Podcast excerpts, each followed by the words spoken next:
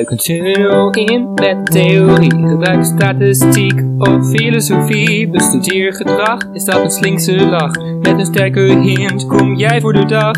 Wie is de mol? Oh, we vinden hem niet. Er is totale tunnelpaniek. Totale tunnelpaniek! Hallo lieve luisteraars en welkom bij Totale tunnelpaniek. Dankjewel Meerte. Vandaag bespreken wij, Dennis, Lars, Jan en ik, aflevering 8 van het 21ste seizoen van Wie is de Mol? En daaruit kunnen wij maar één conclusie trekken. Jongens, Lakshmi is toch geen vis. Nee. Oh. Sorry hoor, maar wat was dat ook alweer? Van, zij zou natuurlijk in een vis veranderen, maar waarom ben je er nu zeker van dat ze geen vis is? Nou ja, in ieder geval zou die hint naar Splinter leiden als mol en dat is dus in ieder geval niet het geval. Het kan Oh, zijn dat Lakshmi alsnog een vis is, gewoon, maar dat het er niks mee te maken heeft. Maar in ieder geval Splinter dus niet de mol, jongens. Ja, het is heel erg. Dan moeten we weer dieper door het stof. Ja, Maar, maar luisteren mensen echt naar ons voor de informatie? Of? nou ja, we zijn wel een luchtige podcast natuurlijk. Dus als we het gewoon echt daarop houden dat we heel luchtig zijn. Gebakken lucht. Ik zat wel flink te balen hoor, zaterdagavond. Het was natuurlijk eh, Rocky of Splinter die het rode scherm kreeg, volgens mij. Ja. En toen dacht ik echt wel van ja, kijk, nu gaat Rocky eruit. En dan vallen sommige mensen die helemaal tunnelen op Rocky, die hebben het nou weer fout. Maar goed, dat gebeurde niet. Toen kreeg Splinter een rood scherm. Nou, toen was ik wel even, eh, ja, ging al het leven, werd wel even uit me. Vloog, ik, ik trad uit mijn lichaam, had ik het idee. Ik vond het eigenlijk best wel fijn. alweer. Ja. Nou, ik ja vond eigenlijk best krijgen we het weer wel... voor elkaar? hè? Lars, wat wil jij zeggen? Dat ik eigenlijk, dat ik het best wel fijn vond dat Splinter een rood scherm kreeg. In de zin Hoezo? dat ik eigenlijk... Omdat ik sowieso al vaker heb gezegd van als Splinter de mol is, dan ga ik hem niet een leuke mol vinden. Dat is misschien ook een beetje voorbarig om te zeggen, omdat je dan nog niet alles hebt gezien. Maar ik zat sowieso niet heel erg in de Splinter-tunnel. Ik kan wel begrijpen dat we uiteindelijk op hem beland zijn, maar... Ja, is toch, die jongen die was toch heel erg emotioneel altijd. En bij de executies ook allemaal tranen. Ja, ook van die acties die ik niet uit kon leggen als mol. Dat hij bij het schilderen deed hij het heel goed. En dat hij Marije en Charlotte had benoemd bij het wijzen. Ja, maar dat je zegt dat hij heel emotioneel en labiel was. Maar Jeroen in het jubileumseizoen zat bij die executie met vier. Dat eh Tycho en eh Nicky een vrijstelling hadden bij die Elba-opdracht. Toen zat Jeroen ook helemaal met tranen in zijn ogen bij de executie. Terwijl hij de mol was. Dus op zich, de mol kan wel emotioneel zijn. Dat is één keer, maar ik weet niet, als je elke executie met tranen zit, dan vind ik het ook erg overdreven. Ja, nou, ik vond hem nog steeds de meest logische keuze. En eigenlijk als ik nu zie welke opties er open zijn, dan denk ik echt gewoon van bij elke persoon is er een probleem. Bij Splinter ook wel hoor. Ja, Nou ja, dat had ik inderdaad bij Splinter ook. Want kijk, voor mij was, dan moet ik eerlijk zeggen, voelde het niet echt als een tunnel crash. Omdat ik eigenlijk al een aantal afleveringen lang aan het twijfelen was. En ik vond ook dat Splinter de meest logische was. Maar ook bij Splinter had ik vraagtekens. Dus ja, ik had eigenlijk al een paar afleveringen dat ik een beetje, vooral na die veiling, was ik eigenlijk helemaal in paniek van oké, iedereen kan het zijn en bij niemand is het heel logisch. Dus Ja, het, eh, Oh, dus nu gaat iedereen weer terug krabbelen. Hè, ik vraag me ook af, hebben Ja. wij dat toen ook wel benoemd, de vorige afleveringen, van we denken dat het Splinter is, maar we hebben twijfels, want bla bla bla. Want ik kan me van mezelf niet echt herinneren dat ik heb gezegd van dat ik heel erg twijfel over Splinter. nou, ik wel. Luister maar terug. ik kan me wel herinneren echt dat Tycho en ik hebben gezegd van, ja, we twijfelen wel heel erg. Dat kun je ook terugluisteren. Dus jullie zaten eigenlijk een soort van een soort van 50-50 op Splinter en het kon nou, eigenlijk niet elke kant 50-50, opvallen. maar niet echt 50-50, maar meer in de zin van, ja, er zijn eigenlijk een beetje als wat Dennis zegt, van ja, er zijn niet echt goede opties over. Dus Splinter, die Ja. leek nog het meest logisch, maar het was meer een proces van eliminatie soort van, dan dat we echt in de Splinter-tunnel zaten. Dus ik was ook eerlijk gezegd, toen hij afviel, was ik ook niet echt verrast of zo. Het was meer, ik, ik denk dat ook die- inderdaad, net zoals Tycho zei, die veiling. Ik denk ook uiteindelijk dat je dat de mol niet echt aan kan rekenen als bijvoorbeeld dan Rocky of Charlotte de mol is. Want het is gewoon productie die dan zeg zeg maar zo'n veiling erin stopt. Ja, dat is eigenlijk dan totaal ongeruimd. En dat is ook niet eerlijk om dat boven het hoofd van de mol te houden. Want die heeft helemaal geen invloed op wat voor opdrachten er komen. Dus, maar ja, er was altijd wel twijfel inderdaad, omdat die veiling er was. Oké. Ja. Maar goed, ik ben ook wel weer een beetje in de war gebracht hoor. Ik, als ik echt moest kiezen, dan had ik mijn geld wel op hem gezet. Dus nu is het weer eh, een nieuwe mol uitkiezen, voor ons allemaal. Ja. Ja, dat gaat nog heel spannend worden, denk ik. Want Ja. ik ben letterlijk gewoon nog per uur aan het wisselen van wie nou eigenlijk mijn mol is. Ik heb echt geen idee. Daar hoopte ik eigenlijk ook op dat wij nu allemaal niet weer op dezelfde persoon zitten, maar dat wij nu op verschillende personen zitten. Dat is ook leuker voor de podcast zelf, want wij hoorden ook van Saskia, zus dus, ik weet niet welke naam we moeten gebruiken, die ons soms wel helpt met monteren. Die ergerde zich er een beetje aan dat wij zo op Splinter zaten. Dus misschien is het nu ook wel leuk als wij inderdaad gewoon meerdere perspectieven ook onder ons hebben. Ja, of we komen straks weer allemaal bij dezelfde conclusie terecht, dat kan ook. Ik denk het niet. Ja, waarschijnlijk naar de hints. Naar de hints zijn jullie allemaal weer op één persoon, denk ik. Oké, okay, goede hints. Uh... Nee, nee. Ja, nou, ik ga jullie niet proberen te overtuigen, want ik wil de competitie winnen. Hmm. Maar we staan nu allemaal echt op negatieve punten in de competitie waarschijnlijk. ja, volgens mij wel. Ja. Nou ja, laten we maar beginnen dan met opdracht 1 te bespreken. Voor joker staan. Eén kandidaat krijgt een deel van de oplossing van een puzzel. Diegene moet die info doorgeven aan een kandidaat in een zweefvliegtuig.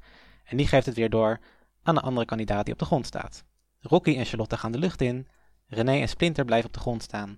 Als de hele puzzel klopt, kan er 1500 euro worden verdiend. Helaas lukt dit niet, dus 0 euro pot. Ja, jongens, wie van de dames was hier verdacht? Splinter. ja, nee, dan moet je nou echt over, overheen stappen, Dennis. Hij is er echt uit. Het spijt me. Maar hij komt toch terug de volgende aflevering? Nou, dat was letterlijk het, het eerste wat ik zei. Hij komt gewoon terug.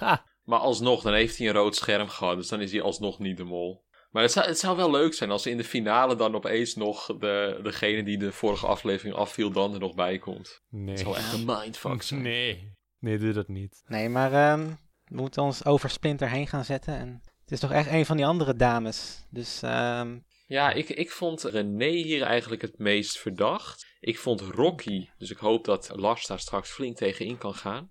Ik vond Rocky het hier eigenlijk heel goed doen. Omdat zij onder andere samen met Splinter maakte zij, veranderde zij die letters die ze moesten doorgeven. Dus die combinaties A2 naar B3 of zo. dan nam ze namen voor die letters. Waardoor het veel duidelijker is om dat over te brengen naar de andere. Als je een naam gebruikt in plaats van een letter. Want je hebt vier van die vijf letters. Die klinken hetzelfde. De B, de C, de D en de E. Alleen de A is wat anders. Dus dat vond ik eigenlijk heel... En ze gaf alles heel goed door. En ze corrigeerde nog een fout van René. René die, die nam het verkeerd over. En toen zei Rocky, nee, luisteren René, het is dit. Dus ik vond Rocky het eigenlijk heel goed doen. Daar moet ook wel weer bij gezegd worden dat de mol maar één fout hoeft te maken. Of er hoeft maar één fout gemaakt te worden. Ja, moet je ook wel heel zeker zijn dat er tenminste een fout is gemaakt. Om dan de rest heel goed te doen als mol. Dus ik vond het eigenlijk Rocky heel onmols hier. Van Charlotte, die zat de hele tijd alles fout te roepen. Charlotte, ik weet niet, die heb ik een beetje afgeschreven. Maar in principe was die inderdaad ook wel, als je gewoon naar deze opdracht kijkt, was die best wel mols bezig met dingen niet helemaal horen. En natuurlijk overal doorheen gillen. En ze was eerst heel enthousiast om de lucht in te gaan. En toen ze daar eenmaal was, toen ja, ging ze helemaal hyperventileren en verstond ze alles verkeerd. Dus ik vond ja, het wel... Dat snap ik, dat snap ik ook wel. Ja? ik uh, zou echt gewoon overleden zijn in dat vliegtuig, denk ik. Ja, maar zou je ook van tevoren dan zo enthousiast zijn al? Ja, okay. Charlotte was nog het meest verdacht eigenlijk, deze opdracht. Maar ik verdenk haar niet. Maar ja, ze is wel degene die de meeste fouten heeft gemaakt. En ja, kind of obviously. Maar daardoor is het ook weer zo van, het werd zo in beeld gebracht dat, ja, ik denk ook niet dat de makers dat zouden doen. Maar goed. Maar dat is bij beide toch wel een beetje zo. Zowel Charlotte als René uh, wordt alles best wel duidelijk in beeld gebracht wat ze fout doen. Ja, precies. Ja, maar bij Rocky wordt eigenlijk bijna niks echt in beeld gebracht van wat ze fout doet. En dat zou ik ook weer, ook weer flauw vinden dan. Ja, ik, ik ben het er inderdaad mee eens dat Rocky heeft deze opdracht heeft ze zo goed mogelijk gedaan als maar kon. Ja. Mm. Dus de andere Ja. twee hebben wel wat steekjes laten vallen hier en daar. Ik denk ook dat de mol eigenlijk op de grond wilde staan bij die puzzel. Ik denk dat het niet veel uitmaakte. Want er is nog een hele leuke theorie. Ik weet niet, die kan ik nu wel even behandelen, denk ik, met jullie. Van de YouTuber Wouter. Die heeft dus die jokerkaart. Dus het is geen hint. Dit is gewoon echt misschien een mogelijke mollenactie. Dus vandaar dat ik hem er nu even ingooi. Er waren eigenlijk vijf stukjes fout in die jokerpuzzel op het eind. Dat is eigenlijk gek, want je zou denken dat het een even aantal moet zijn. Omdat je steeds twee dingen omwisselt. Dus er zouden eigenlijk een even aantal zou fout moeten zijn. Dus 0, 2, 4 enzovoort. En er waren vijf dingen fout. En hij heeft dus helemaal die beelden teruggekeken en wat er allemaal precies gezegd is. En het blijkt dus bij René fout te zijn, of uh, fout gegaan te zijn geweest. Te, geweest. Fouten zijn gegaan. Fouten zijn gegaan, dankjewel, uh, Tycho de Neerlandicus. Want uh, Rocky geeft iets goed door, een bepaalde combinatie. En dan zie je vervolgens in beeld dat René dat ook goed omwisselt. Maar op het eindshot zijn dan bijvoorbeeld, of nou niet bijvoorbeeld, maar D2 en E2 zijn omgewisseld. Terwijl je dat niet op de beelden ziet. En dat kan dus eigenlijk alleen René of Splinter hebben gedaan. Omdat die bij die jokerkaart of jokerpuzzel stonden. En ik dacht al toen ik het keek van... Ja, de mol kan natuurlijk heel makkelijk gewoon off-camera... gewoon even wat dingen omwisselen. Ehm, en het blijkt dus misschien zo te zijn dat René dus wat omgewisseld heeft. Wat we niet gezien hebben. Nou, laat me eens vertellen hoe dat zit. Ja, ga er tegenin. Ja, in het vliegtuig is er natuurlijk... Ja, Rocky, die, eh, die was eruit geparachuteerd. En bij de puzzel had ze dat even... wist ze René af te leiden en wist ze de twee dingen om te wisselen. En is ze daarna weer eh, in, de, in het vliegtuig gecatapulteerd tijdens een looping. En Met eh, een rocket. precies, Oh, wat leuk. ja. Dus zo is ze... Wacht, wat is het woord? Zo is ze... Ont... Oh my Snapt. god, mijn Nederlands. Ont, Zegt- on- niet ont, zo is ze dus niet ontdekt geweest, laat ik het zo zeggen. Onontdekt. Dat is wel het beste argument Onontdekt. voor Rocky dat ik tot nu toe gehoord heb. Ja, precies. Ja dus, eigenlijk- ja, dus ik kan dit ook wel in de vuilnisbak gooien. Dus Rocky is gewoon ge-. Katap- Nee, nee gecatapu- niet capituleerd, dat is iets heel, capituleren is iets heel anders. Gecatapuleerd. Oh jee. Nee? Nou goed, ik eh, ben mijn Nederlandse woordenboek kwijt. Maar ik vind, ik vind eigenlijk dat, zeg maar... Ik denk de leukste molactie zou toch van Charlotte zijn. Om, zeg maar, later Ja, terug sowieso. te kijken. Ja, Dat je dan Ja. echt ziet dat ze gewoon eh, helemaal net deed alsof ze helemaal in paniek raakte. Terwijl ze het misschien stiekem helemaal zat te chillen daar. Dat ze eigenlijk gewoon stiekem fan is van ons. Ja. En er was ook één moment dat best wel vreemd was, maar dat is ook wel gewoon aanname. Maar Charlotte zei dat René heel laat pas begon met de codes doorgeven of zoiets. Toen ze in het vliegtuig zat. Dus ik weet niet of dat René heel laat begon. Ja, toch? Dat is wat ik Eh, eh, hier heb. René moest toch bij Charlotte de codes doorgeven? Ja, Charlotte. Wat Oh, zei sorry, ik ik dacht dat je Rocky zei. Oh, ik bedoelde Charlotte. Ik weet niet meer wat ik zei. Ik, dacht Ja, dat ik Charlotte... nou. Ja, maar Ja. eh, dus... Ja, er was een moment waarbij Charlotte zei van... Ja, die René die eh, begint heel laat met mij dingen door te geven. En dus ja, dat kan René zijn of dat kan iemand met een porto zijn die dan dat hapert. Maar ja, dat, ja, dat is een beetje Ja, en. René ging ook nog die laatste combinatie, ging ze nog, of ze ging nog een keer de combinatie voor de laatste, ging ze nog een keer herhalen of zo. Dat was heel vaag. Eh, wat ook een beetje, eh, want volgens mij ging, zei Splinter toen ook van, ja, maar ik heb dit al, we hebben dit toch net verplaatst. En die gingen toen weer terug anders verplaatsen. Dus ja, ik vind dat Ja. René wel heeft zitten mollen. En dus Charlotte mogelijk. Ja, maar het is Ja. toch ook wel raar dat als, stel dat René de Mot dan een, een puzzelstukje al heeft verneukt in de eerste ronde, dat ze dan in die tweede ronde ook nog weer extra gaat mollen. Dan denk je van ja, de puzzel Ja. is al mislukt. Dan wordt ze alleen maar verdachter. Dat is, dat is wel een goed punt. Ja. Ja, maar dan, oké, maar dan, ja, wat, wat is dan het alternatief? Dat Charlotte de mol is, maar dan is het alsnog fout gegaan bij die, bij die jokerpuzzel. Met dat verplaatsen. Ja, tenzij Rocky dus inderdaad eh, uit het vliegtuig is gesprongen en dat gedaan heeft. Ja, het zou eventueel Ja. kunnen dat... Ja, ik weet niet, er is weer waarschijnlijk iets dat off-camera is gebeurd. Dat- Dus we kunnen blijven speculeren, maar het is waarschijnlijk iets dat we toch niet echt kunnen weten. Maar alsnog, ja, zoals ik zei, de Porto zou de enige optie zijn dat Rocky iets had kunnen doen hier. Ja, vol- volgens Rocky zelf was er helemaal niet gemold deze opdracht. Zij, zij gelooft in het, eh, in het goede in de wereld. Zij denkt dat, er, dat iedereen gewoon zijn best heeft gedaan. En dat het gewoon, ja, ja maar die Rocky is sowieso wel een positivo, toch? ja. Want bij elke biecht zit ze echt alsof, ze het, eh, alsof alles gelukt is en zo. Doet ze Ja. altijd. Met die grote glimlach. Ze was niet zo positief over de parachute. Nee. Ja, dat was wel een mooi momentje. Ook Charlotte die vroeg, of die, die piloot die aan Charlotte vroeg, are you nervous? En Ja. zij zo, ja, eh, I'm nervous too. Ja, nee, dat wil je ook niet horen van die too. piloot. It's not what you want to hear. Ja, Dat was echt heel mooi. En uiteraard Charlotte met haar ondersteboven, ondersteboven, ondersteboven.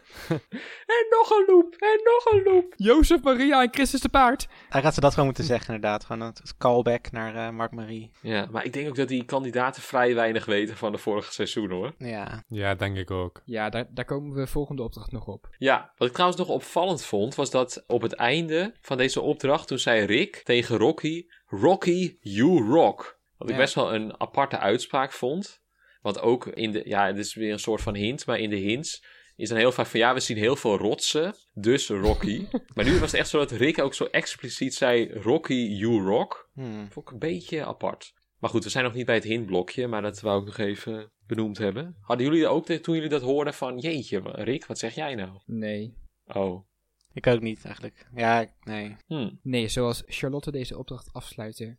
Who cares? Zei ze dat? Ik vond trouwens nog wel leuk dat Splinter een beetje in discussie wilde gaan met Rick over het geld. Want ze 0 euro hadden verdiend. Zei hij echt van, nee, eh, echt niet. Ook niet voor we hebben wat we goed hebben. Ja. Ja, toen dacht ik van, ja, hij is de mol. Dus hij doet alsof hij van, ja, ik ga nu in discussie met de organisator. Ah ja, Maar ja, goed. had gekund. Het, had ge- het was zo leuk geweest. Het was echt een leuke mol geweest. Nee. Maar ik dacht wel inderdaad, omdat het weer, zag weer zo'n plaatje van de Joker. En Splinter die stond ook echt in zijn Jokerpak. Ja, dat kwam ook heel vaak terug bij de hints van eh, de Joker en dat Splinter zo opvallend gekleed is. Een beetje Jokerachtig. Dat was Lakshmi natuurlijk ook wel een beetje. Maar ja, blijkbaar, blijkbaar is dat dus geen hint. Maar zouden ze dat dan expres als een soort van misleidende hint erin doen? Of... Volgens mij doen ze dat wel hoor, dat soort dingen. Ik denk het wel. Eh, hebben ze dan expres Splinter die kleren? Dan trek dit aan. Nee, maar ik denk wel dat zij met de hints af en toe misschien wel iets doen wat dan toch op iemand anders zou kunnen slaan. Zodat er gewoon ook een beetje in verwerken. Want er zijn best wel veel hints die gevonden worden. En natuurlijk heel veel is toeval. Maar er zijn ook wel dingen dat ik denk van ja, dit is wel heel toevallig. Dat heb ik allemaal statistisch berekend. Ja. Dan denk ik, dus ik denk ook wel die, dat de makers misschien ook wel af en toe wat nep hints erin doen. Maar die, worden erin doen, maar die worden verder natuurlijk niet benoemd op het eind. Ja, daar moeten we het trouwens ook even over- hebben straks. Over die, eh, die statistische berekeningen. Oh ja, nee, daar kom ik eh, straks ook weer op terug. Dus eh, dat komt inderdaad terug. Verder nog iets over deze opdracht? Nee. Nee, dan gaan wij door naar de tweede opdracht. De kandidaten komen in een theaterzaal die gevuld is met foto's van kandidaten uit eerdere seizoenen. Ik ben benieuwd of die nog geveld gaan worden trouwens. Daar ging jij toch altijd heen, of niet? Ja, ik niet, maar volgens mij Dennis wel. Ja, Ja, je had toch een keer een met een lege portemonnee hoor. Wat onhandig. Ja. Sorry. Ja, het vorig jaar had je wel een, een online molveiling. Maar toen was ik net te laat om eh, te bieden op iets. Want toen op het laatste moment, zeg maar echt vlak voor de veiling ging sluiten, ging iedereen dan een bod doen. En Uiteraard. ja, maar dan moet je zeg maar de pagina vernieuwen. Dus dat deed ik. Maar dan was alle informatie die je had ingevuld, moest je dan weer opnieuw invullen. Dus dat wist ik niet. Dus toen was ik net zeg maar te laat. Oh. Want ik wilde een, een waaier met erop erop hebben. oh, wat zielig. En het is dus niet, eh, niet gelukt. Nee, Dus je hebt helemaal niks van die veiling. nee. Maar goed, misschien gaan ze nu al die hoofden veilen. Wie weet. Het zijn er wel veel. Welk, welk hoofd zouden jullie dan eh op bieden? Aafbrand Korstius. Denk ik. Georgina was zo mooi met die bloem. Ja, ik wou net zeggen Georgina met de bloem. Maar die was erin gefotoshopt, toch? ja, ja de, de, de, er was wel meer gefotoshopt. Ja, oké. Maar goed, daar komen we misschien... eh, misschien moet Tigo even zijn verhaaltje afmaken. Ja, nou aan de hand van videoclips moeten ze de juiste foto's op de juiste rij krijgen. Ze konden 1500 euro verdienen en het werd 900 euro. Dus ja, vertel, wie was hier verdacht? Iedereen. Iedereen, de hele zaal? De hele zaal was verdacht. Voornamelijk Paula Udonbek. Ja. Bij de Man in Black. Wat zat ze daar nou te doen? Ik vond het wel echt, echt hilarisch dat ze ook elke keer toen ze naar Paula verwezen was echt zo van... Ja, die iemand, eh, die persoon, echt gewoon niemand kent haar. Ja. Ah. het, was, al een beetje, eh, een beetje gênant. Ja, het is wel erg hoor. En ik snap, het is natuurlijk 12 jaar terug. Maar toch, ik weet niet. Als er echt een editie komt met Moloten of zo, ja, die weten echt alles uit hun hoofd. En, eh, want ik dacht ook bij deze opdracht, ik zat meteen te gillen van, ja, ze moeten nu alle afvallers op de juiste volgorde van dat ze afgevallen zijn en van Ja. seizoen zetten. Dacht ik ook, ja. En dat ze dan wel hints kregen, want zij weten dat natuurlijk niet echt. Maar dat was niet zo. Oh, ik, ik dacht eigenlijk eerst van, ze gaan gewoon Wie ben ik spelen. Oh, dat ze, dus dat ze die foto's eigenlijk moesten omgooien, een soort van. En dan uiteindelijk bij een persoon Dat zou geniaal zijn. Ja, en, dan, en dat je dan gewoon vragen kon stellen als deze deed mee in seizoen nog wat of zo. En dat je dan die allemaal moest omgooien. Ja, of alle roodharigen weg of zo. Ja, maar dat het wel meer gericht was op de Wie is de Mol kandidaten. Want nu had je eigenlijk ook gewoon, Ja. volgens mij waren het 160 foto's. Volgens mij had je nu ook gewoon willekeurige mensen eigenlijk neer kunnen zetten. Want het deed er niet echt toe dat ze van Wie is de Mol waren. Ja. En op zich, als je bij een Wie is het, als je zoiets zou hebben gehad en dan ook nog met vragen over de Mol of hints over de Mol, dat zou wel echt leuk zijn geweest. Ja, en dan heb je natuurlijk de helft van de kandidaten die gaat mollen van... Oh ja, dat weet ik niet. Ja, precies. Maar ja, ik vond het thematisch wel gewoon leuk om al die oud-kandidaten te zien. Dus ja, misschien dat het niet heel veel invloed had. Maar ja, het was gewoon wel als kijker leuk om ze te zien. Maar waren ze er gemold? Nou, ik vond hier bijvoorbeeld Charlotte weer anti-mols. Omdat zij met die liedjes reageerde zij vrij snel wat het liedje moest zijn. Of wat de, wat de naam was. En in principe, ze hadden alleen de tijd van dat fragment hadden ze om dus die dingen te verwisselen. Dus als mol wil je volgens mij niet heel snel de titel van het liedje noemen of waar het om gaat. Dus in dat opzicht vond ik Charlotte best wel onmols. Maar, maar ze konden wel gewoon nog doorgaan met dingen veranderen. Nee toch, want Rick had toch aan het begin gezegd van jullie hebben de tijd tot het liedje stopt. Nee, want er zijn volgens mij sowieso nog mensen veranderd. Ik bedoel, dat was ergens halverwege de opdracht. Toen zei Charlotte van, ja, iemand zit hier te fucken op eh, rij 6 of zo. En toen heeft ze nog weer allemaal Hmm. dingen daar weggehaald en dingen omgegooid. Ja, of juist daar neergezet. Dus de- de- er mocht gewoon nog van alles veranderd worden. Dat het laatste lied, als het laatste lied voorbij was, dat nog- Ja, oh, Ja. oké. Maar alsnog, alsnog, als mol wil je misschien niet heel snel het liedje noemen. Nou, ik weet niet, want het heeft wel, ja, ik bedoel, het wordt uiteindelijk toch wel geraden. Dat weet ik niet. Ja, nou, sommige zijn toch best wel duidelijk. Dus dan, ja, Ja, oké. Sommige die je denk ik op meerdere manieren had kunnen opvatten. Zoals? Nou ja, bijvoorbeeld met die diamonds en pearls was een beetje onduidelijk van... moeten ze nou en diamanten en parels hebben of zo? Of één van de twee? Dat, ja. Ja, oké. Ja, dat is dan ook echt fout gegaan. Ja, toen dacht ik ook weer Splinter, mollenactie. Want Splinter zat echt van, ja, het moeten diamanten en parels zijn. Ik dacht van, dat zal je zien dat het diama- diamanten of parels moet zijn. Maar goed, dat was niet aan de orde verder. Ja, en ik vond dus René, vond ik een beetje traag van begrip. En ik vond ook nog, ehm, wat ik Charlotte ook nog onmols vond, was dat, je had natuurlijk eerst Lady, Lady in Red. Dus dat je een aantal mensen met, eh, of vrouwen met rode kleding die op rij 6 moesten worden geplaatst. En dat je later nog meisjes met rode haren en die moesten ook op rij 6. En toen stond René met Simone Wijmans in de hand. Van ja, eh, maar deze moet toch helemaal niet hier? Want dat ging toen over de meisjes met rode haren. Maar Simone was een lady in red, want die had iets roods aan. En toen gilde Charlotte van nee, laten staan, afblijven. En ik denk als mol ga je dan toch niet een fout van iemand zo lopen herstellen? Dus wat denken jullie daarover? Maar zou je als mol überhaupt zo hard schreeuwen van, wat doet die nou hier? Dan zou je toch vanuit jezelf meer... Goed punt, ja. Ja, dan zou je toch stiekem dat wegdoen. En dan als iemand je daarop confronteert, dan zeg je van... Oh ja, maar die hoort er toch niet? Dat is een rood truitje, geen rood haar. Ja, maar misschien omdat René een beetje doof is. Als ze praat ze al harder dan ze denkt. Want dat is meestal met dove mensen zo. Die praten heel hard. Of nou niet dove mensen, maar is het, zit ik nou mensen te beledigen? Nou goed. Jong. Ja, ja, een apology moment. ja maar dove mensen die kunnen ons toch niet verstaan, dus dat maakt niet uit. oh, goed. Nee, maar ik bedoel, als je een beetje slechthorend bent, dan praat je meestal wat luider. Dus misschien dat René al wat harder, dus dat ze dacht voor zichzelf dat ze dat fluisterde. Maar dat ze het eigenlijk harder zei en dat daardoor ehm, Charlotte erop inging. Dat vind ik een sluitende theorie. Ik had er trouwens nog op gelet ook van of dat, wat ik dacht van misschien speelt René echt dat ze niet zo goed kan horen of zo. Maar bij de eerste opdracht, bij de uitleg van Rick, toen zag je René ook echt gewoon letterlijk een beetje zo naar voren komen. Ja. Van, ik hoor het niet, ik moet het beter Hmm. horen. Ja, dus het lijkt dus- niet helemaal gespeeld in ieder geval. Goed speurwerk. Ja. En ja, Rocky, die, ik weet niet, Lars, heb jij nog iets van Rocky eh, gezien? Ja, nee, niet per se, eerlijk gezegd. Ik vond het ook chaotisch. Maar niet dat ik haar zag Paula Udondek ergens wegkapen. Echt die arme Paula. Hebben jullie nie- niemand met Paula Udon? Nou, Nee. Ro- Rocky is daar wel echt gewoon letterlijk drie keer voor langs gelopen of zo. En die heeft wel die rij gecontroleerd. En toen heeft Ja. hij niet gezien dat Paula op die rij stond. Dat Paula een vrouw was, ja. Om, om dan toch iets te geven aan de Rocky-verdenkers, hè. En verder was Charlotte gewoon weer grappig. Sorry, Kleef. Oh nee, Klees.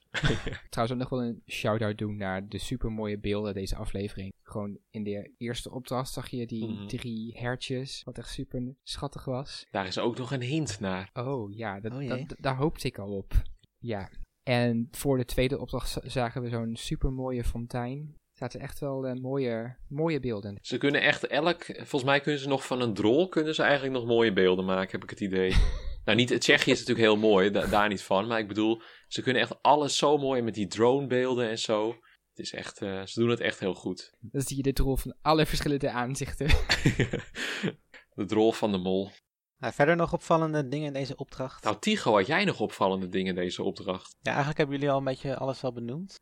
Wat eh, mij ook is opgevallen. Jullie zijn experts, ik ben alleen de aangever. Nou, jij bent ook wel een mol-expert, toch? Ja? Nou, dank je. Ja, ik, ik, ik dacht dus inderdaad van... Ja, Charlotte was inderdaad wel best snel met de, de onderwerpen raden, zeg maar. Maar ja, in principe hoeft dat niet heel veel te zeggen als je inderdaad dan gewoon heel stiekem de, de portretten alsnog kunt veranderen. Dus ja, het is ook best lastig om er iets over te zeggen eigenlijk. Want iedereen kan hier iets gedaan hebben wat dan net buiten beeld is.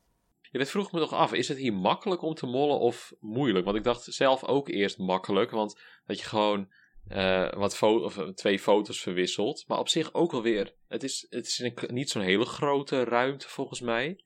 Ja. Dus ja, je hebt altijd wel de kans dat iemand je aan het bekijken is, toch? Ja, het is best, best spannend, denk ik. Om Ja. zomaar iets, iets obvious te, te verwisselen of fout te zetten. Ja, maar ik denk wel dat er echt wel echt gemold is. Ja, dat, dat sowieso. Ja. Maar ik denk dat als je als mol deze opdracht weet, dat je al van tevoren nadenkt bij eh, wat voor redenering kan ik gebruiken om dat als ik iets verplaats, ver- verwissel, eh, fout verwissel, om dat zo logisch mogelijk over te laten komen naar de andere kandidaten.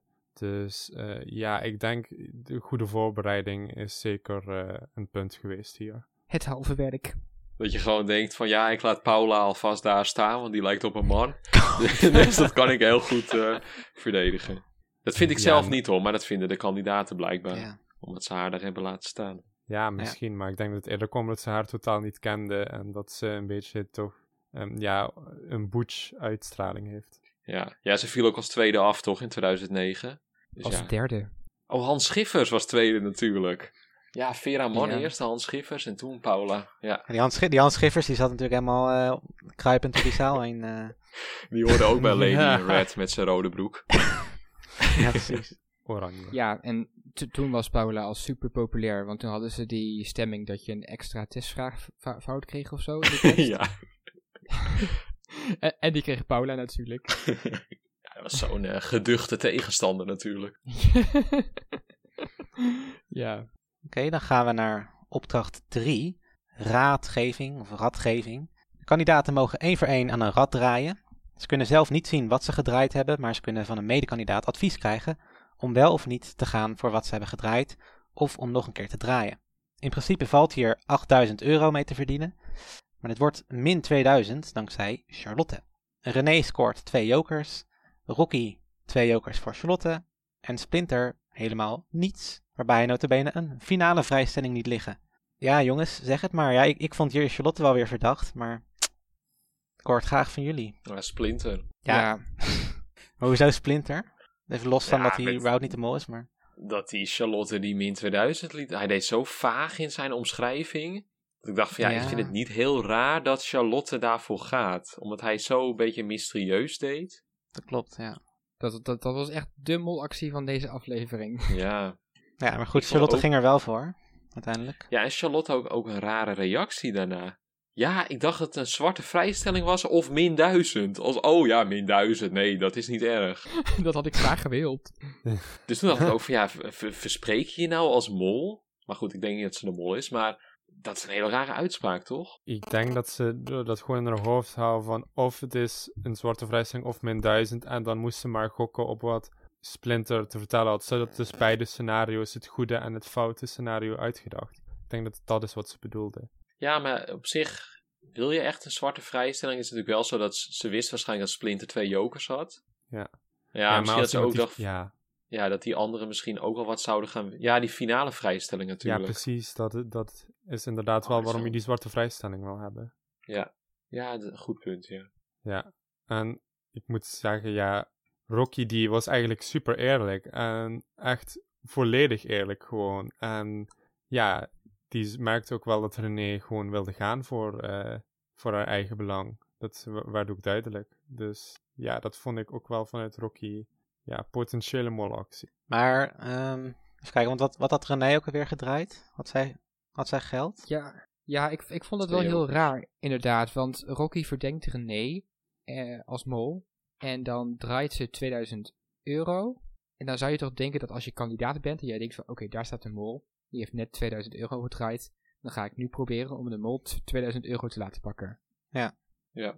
Maar ze was volledig eerlijk. Dus van, en, het, en ze denkt dat zij de mol is. Dan, ja, natuurlijk gaat ze dan niet voor die 2000. Wat raar. Dat is heel raar, ja. Nou ja, wat ik nog vreemd vond, was dat ze niet echt onderhandelde of zo. Maar ik weet niet of dat ook überhaupt mogelijk was. Maar bijvoorbeeld dat ze misschien dacht van, oké, als zij dan twee jokers kan krijgen of zo, dan kan ze misschien één aan mij geven. Er stond natuurlijk ook wel echt een naam bij de jokers, dus ik weet niet of dat dan automatisch wordt ingezet of zo. Nee, maar waarom zou je... Ja, oké, dus eh, meer in de trant van dat je het zegt als ze jokers zijn en dan krijg je er een en anders zeg je Ja. niks. Weet je, Ja, zoiets zoiets. of zo. Ja, Ja, ja. maar ja, ga- gaat iemand dat nog doen in de halve finale? precies. Maar je kan dat wel proberen, Nee. toch? Ja, dat kan altijd. kan het altijd proberen en falen. Maar ik, denk- ik denk eigenlijk inderdaad, omdat het echt op naam stond, dat het waarschijnlijk niet mogelijk was. Maar... En denken jullie nog dat je als mol, want als mol, want ik dacht dat je als mol eigenlijk alleen kunt mollen als je adviseur bent en niet als je aan het rad hebt gedraaid. Want dan ben je zo afhankelijk van en de willekeur en jouw advies geven. Of er moet achterop dat rad moet, er moet een, eh, ding, een ding staan dat je dan weet als mol van oh, dit is het min geld of zo. Hmm, goeie vraag. Ja, maar als mol Ehm. zou je toch ook wel enigszins de, kunnen inschatten wat iemand anders voor ogen heeft voor jou eh, bij, die, bij dat rad. Dus ja, het is natuurlijk geen 100% molactie, maar als je iemand probeert te lezen en dan ja, ervoor voor gaat waarvan je denkt van dat is slecht voor de pot, dan doe je dat. Maar ja. Ja, Ja. oké. Eigenlijk wil je als mol denk ik gewoon, je wil alles pakken behalve, behalve geld. Het maakt niet eens uit of het echt min geld is, maar je wil gewoon iets pakken wat geen geld is. En daar kom je denk ik vrij makkelijk wel achter met de, met de adviseur. Ja, want mocht de adviseur dus niet eh, concreet zeggen wat er stond, want ze gaven allemaal best wel vage omschrijvingen. Dat idee had ik ook. Want ze zeiden niet van, Ja. oh ja, dit is 2000 euro. Het was meer van, ja, hiermee kun je de pot spekken of hier ben je blij mee. Ja, weet ik niet, dat is niet, niet echt gezegd. Nee, dat is niet gezegd door Rick, van je mag niet letterlijk zeggen wat er staat. Of zo. Nee, dus het is een beetje vaag of dat mocht of niet. En wat zou er achter dat vraagteken hebben gezeten? Want René wilde wel heel graag dat Splinter, volgens mij, dat pakte. Want eh, Ja. hij had, Splinter had natuurlijk eerst de finale vrijstelling. Dat vond ik heel jammer natuurlijk dat hij die niet had. En dat spreekt nu ook wel voor zich. Dat hij, omdat hij er nu uit is. Maar daarna had hij dat vraagteken. Toen deed René echt wel, liet echt duidelijk merken van dat hij daarvoor moest gaan eigenlijk. Maar ja goed, verder Ja. weten we niks, want we weten niet wat het is. Ja, dat was gewoon eh, de pot leeg. Ja, maar- ja precies. Maar als dat, stel dat het, nee, maar ik zat serieus te denken. Stel dat het echt was van de pot halveert of zo. Dan had ik het echt heel kut gevonden. Nog een keer. Maar dat, ja, maar dat zou dan wel verklaren van dat René de Mol is. Als ze dan graag wil dat iemand dat pakt. Maar goed, dat zullen we Ja. pas in eh, aflevering 10 weten misschien. Wat er, eh, wat erachter stond. Ja, ben ik ook wel benieuwd naar inderdaad. Want nee, ik zit te denken, misschien is het dat je dan iets mag kiezen. Maar ja, dan kies je natuurlijk gewoon altijd, voor de vrijstelling. Ja, Misschien dat je dan een soort macht had over wat de anderen kregen. ja. Ja, of, of dat je een item kon afpakken. Dat zou kunnen. Hoe vonden jullie het trouwens in, in beeld gebracht, deze opdracht? Want het was echt zo, die lichten waren, het was donker. En ik vond ook, Splinter had ook echt zo weer zo'n perfect pak aan. Een beetje Mao Zedong-achtig, met die, met die kraag zo. Ik was echt zo van, dit is echt wel een, eh, zo'n Russisch roulette-achtig. Ik vond Charlotte weer een beetje creepy kijken. Maar dat, dat vind ik al vaker. Dat ze dan dat ze heel, heel intens zit te staren. Met zo'n hele brede glimlach op haar kop. Is dat niet gewoon haar hoofd, eigenlijk? Die is super gefocust. Ja. hoor. Ja, ze heeft gewoon een beetje zo'n pretkop. ja. ja, ze heeft wel echt leuke uitdrukkingen. Ja. Ja. Maar ik vond het inderdaad wel echt leuk in beeld gebracht, ja. Echt een beetje eh, Ja, duister of zo. ja, en ik vond René echt super goed lieger. Ja. Actrice, hè? En mol. Ja. Oké. Ja, ja. Ik vond haar inderdaad best wel verdacht ook wel weer. Ja, jeetje. We komen er nog niet echt uit, denk ik. Ja, verder, verder nog iets eh, te zeggen over deze opdracht? Nee, ja, het zijn eigenlijk niet per se opdrachten waar je heel veel over kan zeggen qua... Wat een klote opdracht dit. We weten nog steeds niet. Het was wel een hele leuke opdracht, maar... Ja. Ja. Ja. Wat- moet je hier nou van zeggen? Ik had het veel liever op het punt van de veiling gehad. Dus eh, in aflevering 5 of zo. Want ik, ja, een finale vrijstelling is ook weer iets dat eigenlijk best wel ja, uit de toon valt met het programma. Ja. Dus wel uit de toon En- valt. Je hebt toch eigenlijk wel- vaker een finale vrijstelling? Ja, maar ja, dat is altijd kut. de- de- altijd kut, ja, dat bedoel ik. Het is, Ja, eigenlijk wel, hè? het is- Ja, ik, vond, ik vond denk ik vooral de jokers dan meer kut. Maar volgens mij had iedereen jokers uiteindelijk. Dus ja, het maakt er niet heel veel uit. Behalve Rocky. Oh ja, tuurlijk. ja. Ik vond ook eigenlijk helemaal niets. de, de hype eh, rond de finale vrijstelling. Want eigenlijk elk seizoen, als er een finale vrijstelling is, dan is het echt zo van ja, finale vrijstelling. Kun je met deze opdracht een vrijstelling voor de finale winnen. En nu stond die finale vrijstelling gewoon op dat rad. En er werd verder ook niet heel veel aandacht aan geschonken of zo. Van eh, let op, die wil je hebben. Het is wel zo dat het wel echt lullig was voor Splinter dat hij net misschreef. ja, het was ook zo, hij stond ook echt zo van oh, wat dom. En toen zei René ook echt zo ja. Om dan meteen even door te gaan naar de verdenkingen. Wat, wat, wat kunnen we daar nog eh, over zeggen? Want inderdaad best wel opvallend dat Rocky doorgaat. Zonder Ja. items. Want ik was echt blij dat ze geen jokers hadden. Want ik dacht van haha, Rocky, Tabé. Aju paraplu. Ja. Maar ja, Ja, maar- niets is wat het lijkt. Ja. Maar ze is toch door. En hoe komt dat?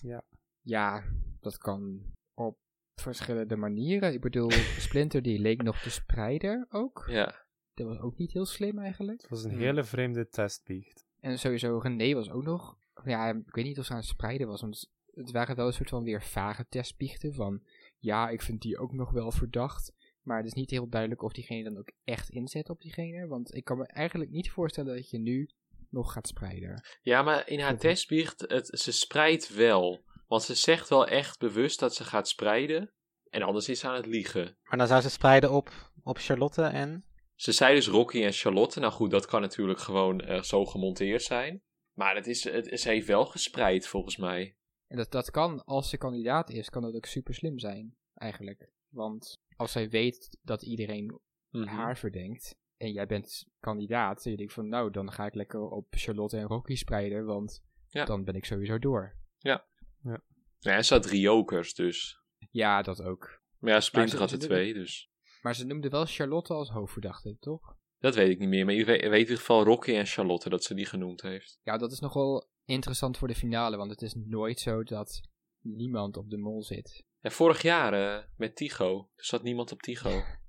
Hoe kon het? Behalve, behalve Nu- wij. Nu zit niemand op Splinter. ja. Ja, maar Rocky die zat dus op René en die is dus wel doorgegaan. En Charlotte die zat ook op René. Ja, Ja. dus het kan eigenlijk bij. e- Eigenlijk kan het beide nog in die zin. Van dat ze zitten of allemaal fout op René.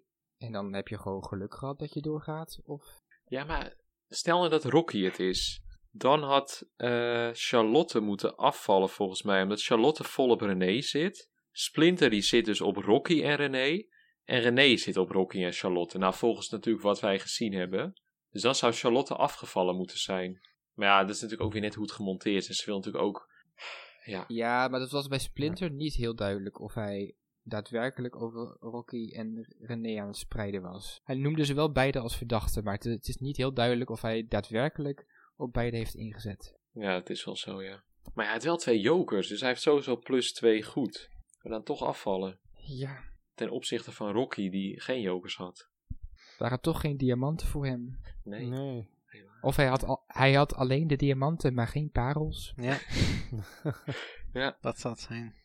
Wat ik trouwens nog, wat mij nog opviel bij de executie, want ik, eh, ik ging nog even natuurlijk eh, terugkijken en ik lette nu niet op Splinter, maar op Rocky.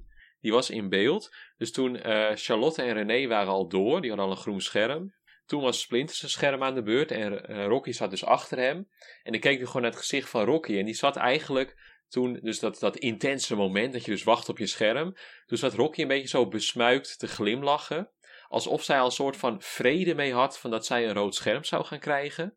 Nou goed, het kan nog alle kanten op. Het kan Nee. natuurlijk ook dat ze keek, dat ze glimlachte omdat ze wist van nou goed, Splinter gaat er nu uit want ik ben de mol. Maar, Ja, fuck hem. maar, toen kreeg Splinter zijn rode scherm, toen schrok ze. Nou, Dat kan ze natuurlijk spelen, maar ze schrok echt meteen. Dus dat, da- en toen keek ze ook meteen opzij naar René. Dus ik dacht van, oké, stel nou dat Rocky een kandidaat is, dan is dit eigenlijk een heel logisch eh, patroon wat ze doet. Dus eerst denkt ze van, oké, ja, Splinter gaat door, die heeft twee jokers, ik ga eruit. Dus dan zit je eerst een beetje van, ja, oké. Dan zie je dat hij een rood scherm krijgt, dan schrik je heel erg. En dan kijk je naar degene die jij verdacht, of de, de- in ieder geval jouw mol, van, oké, dan weet je dus van, ik zit echt Nee. helemaal goed. Nee. Maar Lars, ja goed, ga er helemaal vol tegenin. Ja, nee, maar dit is al eerder die fout discussie. gegaan. Want tijdens de executie van Joshua werd er gezegd van... eh, Joshua, die, die zei toen iets van... Oh, nu weet ik het. En dat werd een hele psychoanalyse gemaakt van... eh, dat Joshua stiekem toch naar eh, Splinter keek. En dat hij het dan op dat moment door zou hebben dat Splinter de mol was. En dat was ook ja, zo. ik- Ja, nou, nee, ja we maar zijn het- nu verder. ik ga het, ja, nee, maar ik ga, nee, maar alsnog, ik zie, ik zie weer eh, history repeats itself. Dus ehm, nee, Ja, ik maar eh, ik- denk niet. Maar de mol die moet toch gewoon kunnen acteren. Dus als, ja, dan kun je er ook niks echt iets uithalen. Ja, maar kan Rocky acteren? Dat is Ja, dat vraag. denk ik wel. Maar het kan, het kan ook nog zijn dat, dat Rocky zeg maar ehm, dan beseft, oké, eh, René is door en Charlotte is door. En misschien dat ze dacht van, oké, Splinter zit op René. Dan kan Charlotte het ook nog zijn, omdat René is door, die blijkbaar op Charlotte had gespreid. Maar goed, ik weet niet of ze dat allemaal van elkaar weten. ja, maar dan, als ze, als ze met z'n drieën op René zitten en René is de mol, dan heeft zij toch ook zoiets van, ja, dan is Splinter gewoon degene die de te- test het slechts heeft gemaakt. Want als René de Mol is, dan werd ze best wel verdacht in de groep. Als Rocky de Mol is, dan werd ze Ja. door helemaal niemand verdacht, blijkbaar. Nou ja, wel. Charlotte werd dan een beetje verdacht, maar volgens mij ook wel door Marije. Ja. Dus ja, het is allemaal... Wat ik ook nog wel opvallend vond eh, na de executie was dat René nog zei van dat over de finale vrijstelling van Splinter, dat ze zei van ja, ik heb gezegd dat hij hem moest pakken. Oh ja, dat loog ze. Maar dat heeft ze helemaal niet gezegd. Ik, ik bedoel, dat is niet per se verdacht of zo, want ik weet niet wat ze daar als mol mee zou winnen, denk ik. Nee. Maar ik vond het wel opvallend.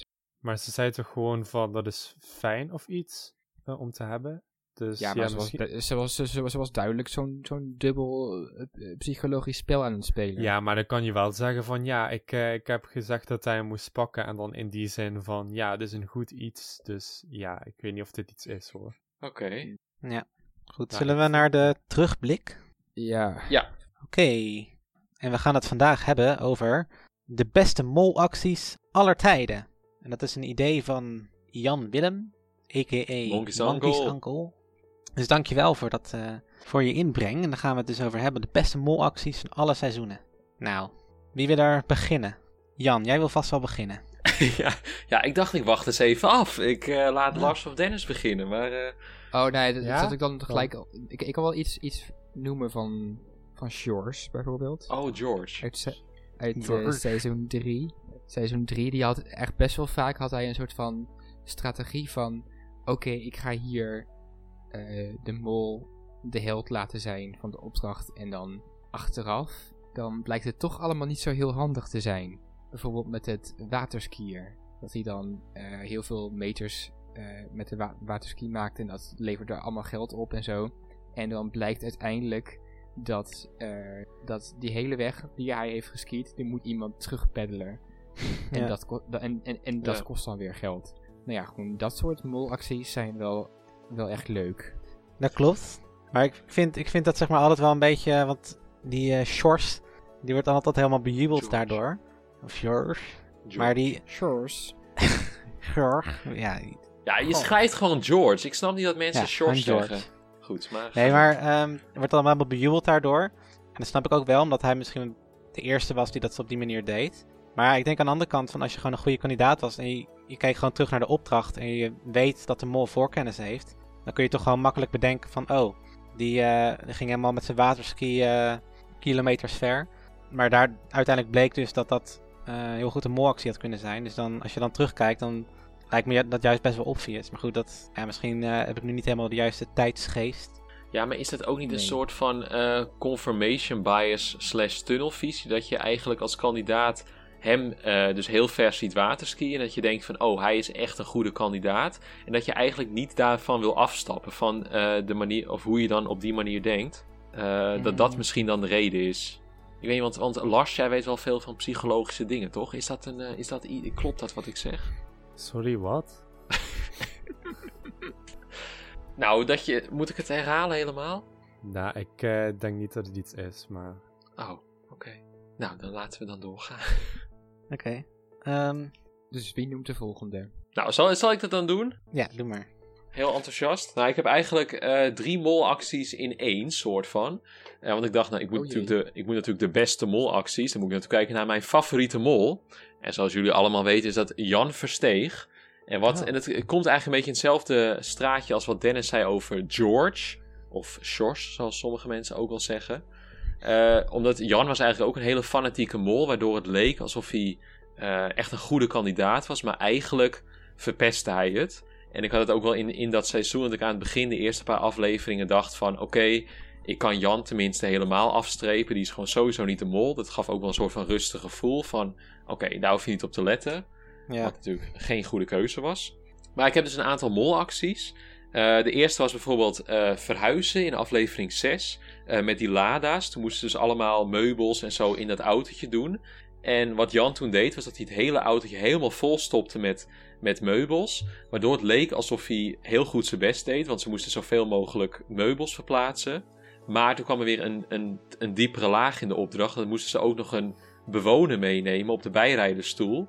En dan kregen ze 250 euro extra. En hij had zijn auto helemaal volgestouwd, waardoor er gewoon geen bewoner meer bij kon. En ehm, het was ook zo, dus de kandidaten dachten ook echt van ja, eh, want die zaten ook, de meeste zaten op Ruben volgens mij. En Ruben die deed allemaal niet zo goed. Dat ze echt dachten van ja, kijk nou eens naar Jan. Want die heeft zijn hele auto helemaal vol. Die doet het perfect. En dan Ruben, ja, die, die moddert, maar wat, ma- moddert maar wat aan. Eh, Ja. Dus dat vind ik gewoon heel goed. Dat gewoon als mol gewoon dat je die karaktertrekken hebt. Dat mensen je gewoon niet verdenken. Maar dat je dan toch de opdracht verpest. Eh, Ja. Onbewust. En dus dat was er één. En nog die tweede. eh, dat was dan de posttrein in de aflevering 7 met die dozen. Toen moesten ze dozen verplaatsen van coupés. En toen moest Jan dingen geven aan Stine Jensen. En toen pleurde hij gewoon constant die dozen naar haar toe. Dat kon ze allemaal niet verwerken zo snel, waardoor er een hele muur kwam van dozen. Waardoor hij niet meer in zicht was. Waardoor hij gewoon daarna gewoon niks kon gaan doen. Gewoon gaan zitten, zitten niksen. En niemand zag het. En hij heeft ook nog een pakketje uit, uit de rijdende trein gegooid, volgens mij. Of ik weet niet of de trein reed, maar goed. Of dat hij net stil stond. Eh, waardoor er dus geld verloren ging. Dus dat, dat was ook wel iets wat eh, Jan weer eh karakteriseerde. en dan heb ik nog een Want? karakteriseerde. En dan heb ik nog een derde ding van Jan. Ja, sorry hoor, dan mogen we doorgaan. Maar dan heb ik gewoon Jan even Oké, behandeld. Jan. Eh, mijn naamgenoot natuurlijk. Eh, dat was het raften in aflevering 8. Dat was echt gewoon een perfecte molactie, omdat het gewoon uit meerdere lagen bestond. Eh, toen moesten ze met z'n vieren raften op zo'n hele eh, onrustige rivier. En toen moesten ze volgens mij landen en kleuren onthouden of zo. En als ze dat juist onthouden en ze pakten dan de kokertjes die dan daar hingen over die rivier, dan hadden ze plus geld. Maar als ze de verkeerde pakten, hadden ze min geld. En Jan deed dus meerdere dingen. Ten eerste ging hij dus telkens die kleuren en die landen herhalen voor zichzelf. Wat heel ver- verwarrend is voor de andere kandidaten, omdat die ook dingen moesten onthouden. Dan ging hij al de hardop dat noemen. Vervolgens verwisselde hij zijn eigen kleuren en landen, waardoor hij dus eh, het mingeld pakte. Dan had hij ook nog bij, dus het eerste kokertje was mingeld dat hij pakte. Het tweede kokertje kon hij net niet pakken, waardoor hij heel heldhaftig in het water sprong. En iedereen dacht van, jeetje Jan, wat doe je goed je best, dat je helemaal het water inspringt. Eh, toen had hij dus gewoon, sprong hij het water in vol mingeld. Had hij het mingeld, kostte allemaal tijd om weer terug in dat bootje te kopen, waardoor er, eh, te komen. Waardoor er dus meerdere kokers met plusgeld, dat ze daar voorbij gingen met het raften, omdat hij dus terug moest in dat bootje. En hij ging ook nog met zijn pedal, met zijn roeispaan, ging hij die gewoon af en toe zo in het water zetten, waardoor het bootje ging draaien. Waardoor ze dus niet snel genoeg, of dat hij gewoon aan het tegenwerken was. Dus dat was allemaal molacties op verschillende levels in één opdracht. Dus geweldig. Goed, Volgens mij kon je dat ook zeg maar, op tv wel eruit halen. Dat je, volgens mij kon, Ja. ook, je kon ook inderdaad zien dat hij die land had omgewisseld of zo. Ja. Als je heel goed oplette. Dus ja, ik zat helemaal in de Simone-tunnel, dus ik, eh, Ja, ik ook Stine Jensen, daarna Simone. ja, ik weet niet of die er toen nog in zat, maar Ja, Simone zat Ja. er toen in. ja, dus dat, dat eh, was inderdaad een, eh, echt wel een van de beste mollen. Ja, zeker. Lars, heb jij eh goede molacties nog wel gevonden? Beste of leukste molactie? Eh, allebei, wat jij wil. Ehm, nou, een van de leukste molacties, ehm, dat is natuurlijk, ja, Elise, die met het boodschappenspel, of niet boodschappenspel, maar ik ga op vakantie en ik neem mee, en dan allemaal absurde dingen noemde. Ehm, Ja. En dan moesten, die, moesten ze die allemaal gaan zoeken. En ja, dat is, eh, ja, dat was wel heel erg vermakelijk om dan Chandrika en, ik weet niet meer wie de andere was die die dingen moest zoeken. Maar om die twee dat dan helemaal, eh, helemaal in paniek overal door die hotellobby eh, heen te zien schreeuwen en te rennen. En Ja. dat was wel prachtig. En ja, dan in een soort van in dezelfde trant van mensen gewoon helemaal hysterisch maken. Dan eh, John van Eert in seizoen 9, die ehm, ja, paniek vijver eigenlijk alleen maar rondjes liet rijden. Ja, dat was echt En- leuk. Daan, Ja. Daan gaat heel blij zijn dat je dit zegt. Ja, dat zeker. is Moet toch leuk. Daan even representen, nu hij er niet is. En eh, ja, dat was ook eigenlijk gewoon... ja, Aniek die het zelf ook gewoon door had dat ze rondjes aan het rijden was, maar het gewoon niet echt helemaal geloofde. en dus eh, John die uiteindelijk zei bij eh, de finale, tussen de molactie lieten zien, zo van... Ja, Aniek, je bent inderdaad rondjes aan het rijden. Dus dat was wel mooi. Dan moet je natuurlijk ook eigenlijk nog wel John zijn, zijn echt zijn, zijn beste molacties noemen voor, eh, voor Daan. Volgens mij vindt Daan dat dat het, het, het reuzenrad is. Dat hij dat hele bord Ja, dat vol, ook wel mooi. Ja. Vol schrijven en dan Ook weer met Annieke er- bij. eruit haalt als eh, meest verwarde persoon eh, van de kandidatengroep. Oh, die arme Aniek. Ja, daarom zou gewoon En- al zijn, op, en- al zijn molacties opnoemen. Ja. Ja, en natuurlijk denk ik ook wel John in het theater. Met de, Ja. dus, dus, dus, eh, symfonie van Beethoven was het. Mm. Oh, ja. Ja, maar daar Ja. ging het wel mis. eh, op een gegeven moment. Want hij had, eh, hij, hij ging, hij had toch een woord gezegd dat eh, in, die, Ja. in die reeks hoorde. En toen Ja, ongeluk. ja dat, was, eh, dat was Vivienne. Die ging helemaal zeggen van... Hier Ja. zijn maar, hier zijn maar. En eh, ja, Ja, maar dat was echt gewoon domheid van de groep. Want ik had laatst die opdracht weer teruggekeken. En ze kwamen dus niet op het laatste woord. Terwijl ik dacht echt van, dat was zo obvious. Maar echt niemand kwam daarop in die groep. Maar dat, Het was toch het geld is, het geld is hier, maar bij wie was het toch? ja, klopt. Hadden ze, het geld ligt Ja. hier, maar bij. En toen kwamen ze niet op het laatste woord. Oh, toen gingen ze allemaal namen noemen. Ook Ja. nog. Ja. Ja. Ja, maar dat, dat, dat heeft John wel echt goed gedaan. Ik bedoel, ook als, het, als er wel een slimme kandidaat tussen had gezeten die, die dat had opgelost, dan heeft hij, had hij nog steeds had hij wel gewoon supergoed geprobeerd om de opdracht te laten Mhm. mislukken. ja. En natuurlijk hadden we Hans toen, die op hand, handen en voeten, of nee, handen en knieën eh, ging kruipen op zoek naar het geld. Dat was ook legendarisch. Oké. Maar jij zegt inderdaad Elise. hè, En Elise was ook wel een van mijn favoriete mollen. Misschien wel mijn favoriete mol. En nu dat zo zegt, moet ik inderdaad ook weer denken aan een opdracht waarbij ze eh, in een camper zaten of zo. Of ze waren onderweg in de bus ergens naartoe. En ehm, toen- ik weet niet meer precies hoe dat ging, maar toen moesten ze allemaal liedjes zingen of zo. Ja, ze, ze, ze, ze, moesten, eh, ze moesten gewoon zoveel mogelijk liedjes zingen. En dan waren er iets van drie of vijf liedjes. Die, eh, als, als ze die hadden gezongen tijdens hun busrit, dan zouden ze geld krijgen. Maar ja, E- Elise was de enige die Nederlandstalige nummers kende of zo. Oh ja. Dus die ging, die ging gewoon al, echt gewoon de, he- de hele rit lang ging ze allemaal liedjes zingen. Maar natuurlijk precies die liedjes die ze moesten hebben, niet. Hmm. Ja, dat vond ik inderdaad ook een hele mooie. En ehm, ja, ik had ook inderdaad ook nog van Annemarie Jong. Eh, Krijg je ze- krijtje. ja. de hoofd van, de hoofd van een stier moesten ze de berg op, eh, op sleuren. En dan moesten ze met krijt moesten ze dan allerlei eh, dingen erop schrijven. Ja, ja. En toen gooide Annemarie die gooide een krijtje weg. En, eh, Super brutaal. Oh, ik was Ja. het al vergeten. Ja, dus Nee, toen... maar- eh, nee. Dat was echt mooi, want toen konden ze gewoon... Ze hadden nog wel andere krijtjes, maar ze konden Ja. toen wat minder woorden. Het ging echt... Was, Klopt. oh, echt. Nou, Ja, maar ik moet wel Top. eventjes één serieus, want waarschijnlijk word ik nu helemaal gehaat. Maar alleen door die, Cole-fans, toch? Of als die niet eens luisteren. Weet ik niet of die luistert. Ja, in ieder geval, je had ook zo'n molactie van, of nou ja, molactie. Eh, op een gegeven moment gaan ze boogschieten in, dat, in seizoen 12, ook met Annemarie Jong. Mhm. En dan op een gegeven moment, volgens mij Hadewig, die schiet dan een pijl in een, eh, zo'n brandend vlot. En dan gaat Annemarie keihard roepen van, oh, mijn pijl heeft het geraakt, het is me gelukt. En ja, dat doet ze dan zo overtuigend dat Hadewig er ook in trapt. en ja, dat vind ik dan ook wel weer een, een goed voorbeeld van, het is niet echt een molactie, het is eigenlijk, ja, eigenlijk faalt ze zelfs als mol, zou je kunnen zeggen, want er komt geld in de pot. Maar Ja. ze weten dan wel weer zo uit te buiten dat in ieder geval, dat het zeg maar verdenkingen van haar afhaalt ook. Dus dat vind ik dan, Hoewel iedereen Ja. al op de zat, maar goed.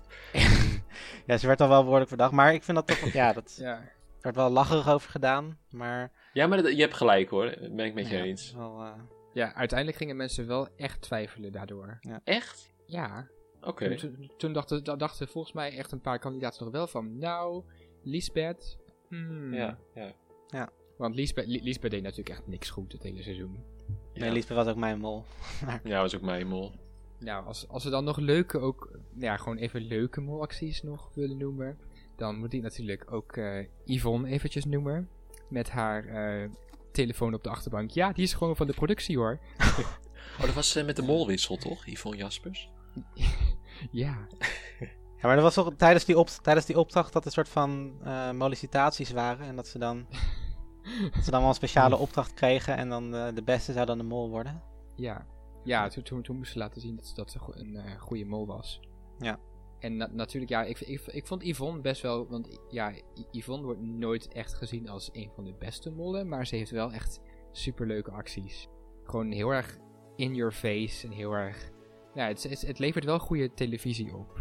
Ik vind Natuurlijk echt als die eh, molwissel echt zo was. Dus dat die eh Roeland, Fernhout, echt eerst de mol was en dat Yvonne het heeft overgenomen. Dan vind ik Yvonne echt wel een hele goede mol. Dat ze dat gewoon Ja, in aflevering ja. drie of zo. Dat ze dan die rol op zich kreeg en dan heeft moeten mollen. Dat vind ik, dat vind ik echt heel goed. En anders was ze Ja. ook wel leuk, ja. gewoon echt die totale chaos maken bij de links-rechts opdracht. Toen zij in de control room zat met Lottie. Dat was ook een su- een goede Maar wat, wat moesten ze doen dan? Ehm, ze moesten twee groepen moesten ze begeleiden. En Ja. de ene groep die mocht alleen maar links afslaan. En de andere groep die mocht alleen maar rechts afslaan. Oh nee, dat was En- in 2019. Met die tuk-tuks. Ja, inderdaad, zoiets. Maar dan, be- maar dan beter en origineel. Maar- ja, oké. Ik kan me echt heel die, heel die opdracht niet meer herinneren. Maar was het in die verloren aflevering? Weet ik niet. Oh. Maar toen, toen zaten dus... eh, wie zaten er in de control room? Lottie en de mol. Ja, je had, je had zo'n een, van die op, een van die afleveringen in dat seizoen dat, eh, dat ze ook gingen kite, iets met vliegers gingen doen of zo.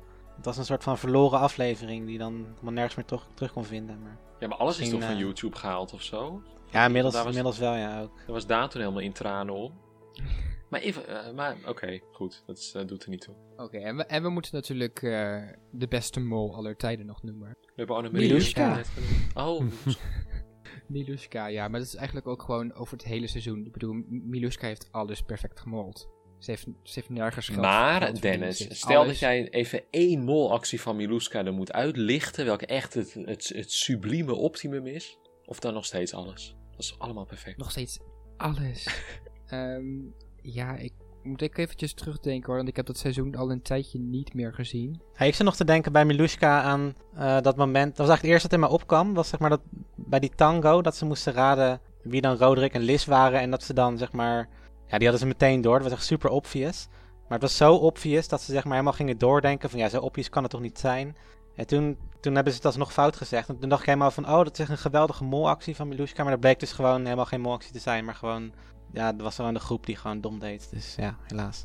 Maar ga verder. Ja, nee, eh, ik, ik denk dat de, de, een van de beste was wel tijdens de rozenopdracht. Ook omdat Miluska daar in de positie kwam van spin in het web. En ze iedereen moest coördineren als mol. Mhm. Als, en natuurlijk als haar personage Miluska. Die super waggig is. ehm, door andere kandidaten dom gevonden wordt. Ja, Welke opdracht was dat? dat? was wel echt de rozenopdracht. Ze moesten, ehm, ze moesten, ja, ze moesten rozen verzamelen op vers- verschillende plekken. Oh, ja. Met van die taxis of autootjes. Ik weet het ook echt niet meer. in, in ieder geval gingen ze super veel informatie geven. Allemaal chaos. Niemand wist meer wat ze moesten doen. En natuurlijk heeft, ze, ze, heeft de, de kandidaten niet eventjes eraan herinnerd dat ze de rozen moesten meenemen. Ja. Maar ja, ook echt, wel- echt wel props naar Miluska. hoor. Dat ze gewoon een heel ander type heeft neergezet dan zichzelf. Gewoon als Ja. dom en zo. Dat is volgens mij de enige mol die echt een hele andere rol of een hele andere persoonlijkheid had dan hoe ze echt is. Ja. Toch? Ja, en, dat ze- en dat ze eigenlijk een heel seizoen ook wel opmerkingen erover kreeg. Van dat, ze, dat ze dom was en dat ze Ja. eh, na- naïef en irritant was. En Mhm. Dat echt gewoon sommige kandidaten waren best wel gemeen tegen haar. Ja. ja, Peggy volgens mij, die vond het gewoon echt niet leuk. En Frederik volgens mij ook Nee. niet. Frederik ook echt niet. Nee. Dat was toen met het eh, winkelen. Dat was, ook, wel- dat was ook wel echt iconisch. Dat ze, eh, ze hadden zo'n opdracht dat ze Oh, ja. eh, ja. ook, moesten gaan, gaan, gaan winkelen voor een school of zo. ja. En, en dat Miluska deed van, nou, dit is de perfect time om weer te gaan mollen. Lekker hard erop losgaan. Hmm. Met haar molshirt aan ook. Toen ging ze toch naar een badkamerwinkel of zo. Toen moesten ze bepaalde spullen. Toen ging ze naar een winkel waar je dat totaal niet hebt. Dacht ik. Ja, en ze ging van, oh, we kunnen wel bar- Barbies meenemen. En, en echt gewoon Frederik van, ja, daar hebben ze superveel aan. Ja. Ik, vond, het- ik vond het ook wel eigenlijk meer een anti-mol actie van haar. Op een gegeven moment die, die ene legendarische opdracht dat ze die berg op gaan fietsen. En dat Frederik dan eh, echt helemaal zit te shinen, zeg maar, naar haar ziekte en zo. Mhm. En toen Ja. vond ik het ook wel heel mooi dat, dat, dat Miluska toen ook gewoon zoiets had van... Weet je, ik ga nu even niet mollen, maar ga haar gewoon dit gunnen. Vond ik ook wel heel Ja. mooi. Ja. Want dat is toch een vrijstelling gewonnen, Frederik, of niet? Of was Eh, er gewoon geld verdiend? Ja, weet ik niet eens meer, maar het was Dat gewoon... ik ook niet. Ja, überhaupt gewoon... eh, ik denk wel geld verdiend ook, maar... Ja, dat was gewoon een heel mooi moment. En dat ze dat, dat gewoon wel aanvoelt, zeg maar, op dat, op dat moment. Dat was wel heel mooi. Ja. Dus ja, verder nog... ehm, Ja, ik heb nog eh molacties. Mag ik die Tel. Nou, ten eerste... Ja, ja, heb, Sorry?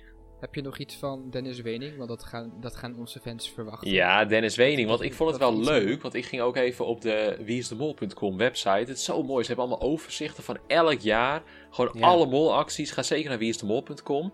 Ehm, dan kun je gewoon echt gewoon archief, dat jaartal, dan zie je een hele lijst met alle dingen.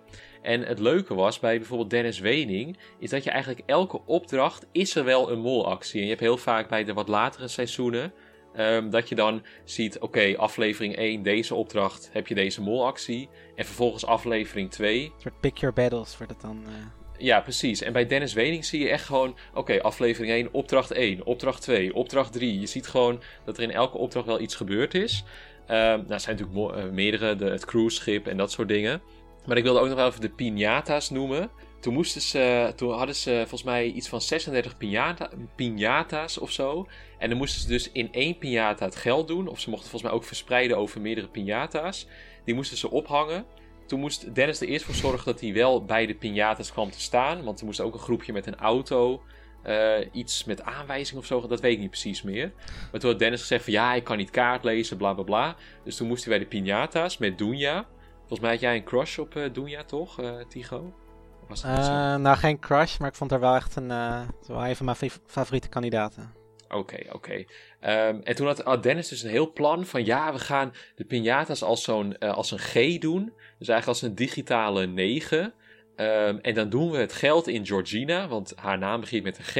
En dat die allemaal zo uitgelegd aan Dunja. En Dunja dacht ook van, oh ja, dat is best wel een goed plan. En dan moesten dus, dus dan hadden zij dat met z'n tweeën gedaan, al die piñatas zo opgehangen als een G.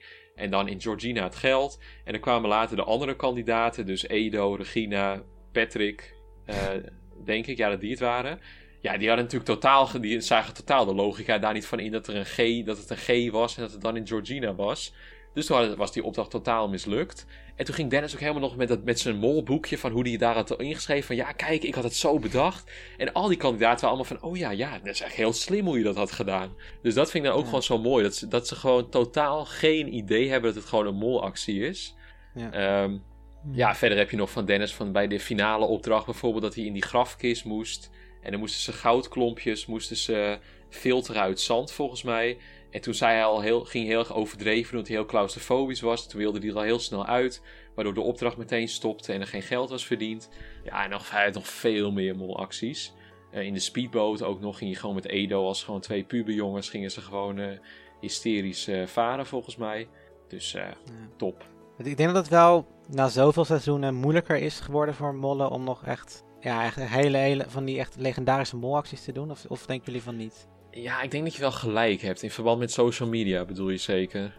Ja, Of onder andere. En ook omdat het gewoon al, al zoveel ja, soorten molacties zijn geweest dat kandidaten er ook op berekend zijn. Of bepaalde dingen al verwachten. Of het spel misschien al een soort van beter doorhebben. Ja. Dus misschien dat het da- daarom ook zo is dat, het, dat in, in nieuwere seizoenen de mollen niet elke opdracht meer molacties kunnen doen. Omdat het misschien ook gewoon dan te veel opvalt.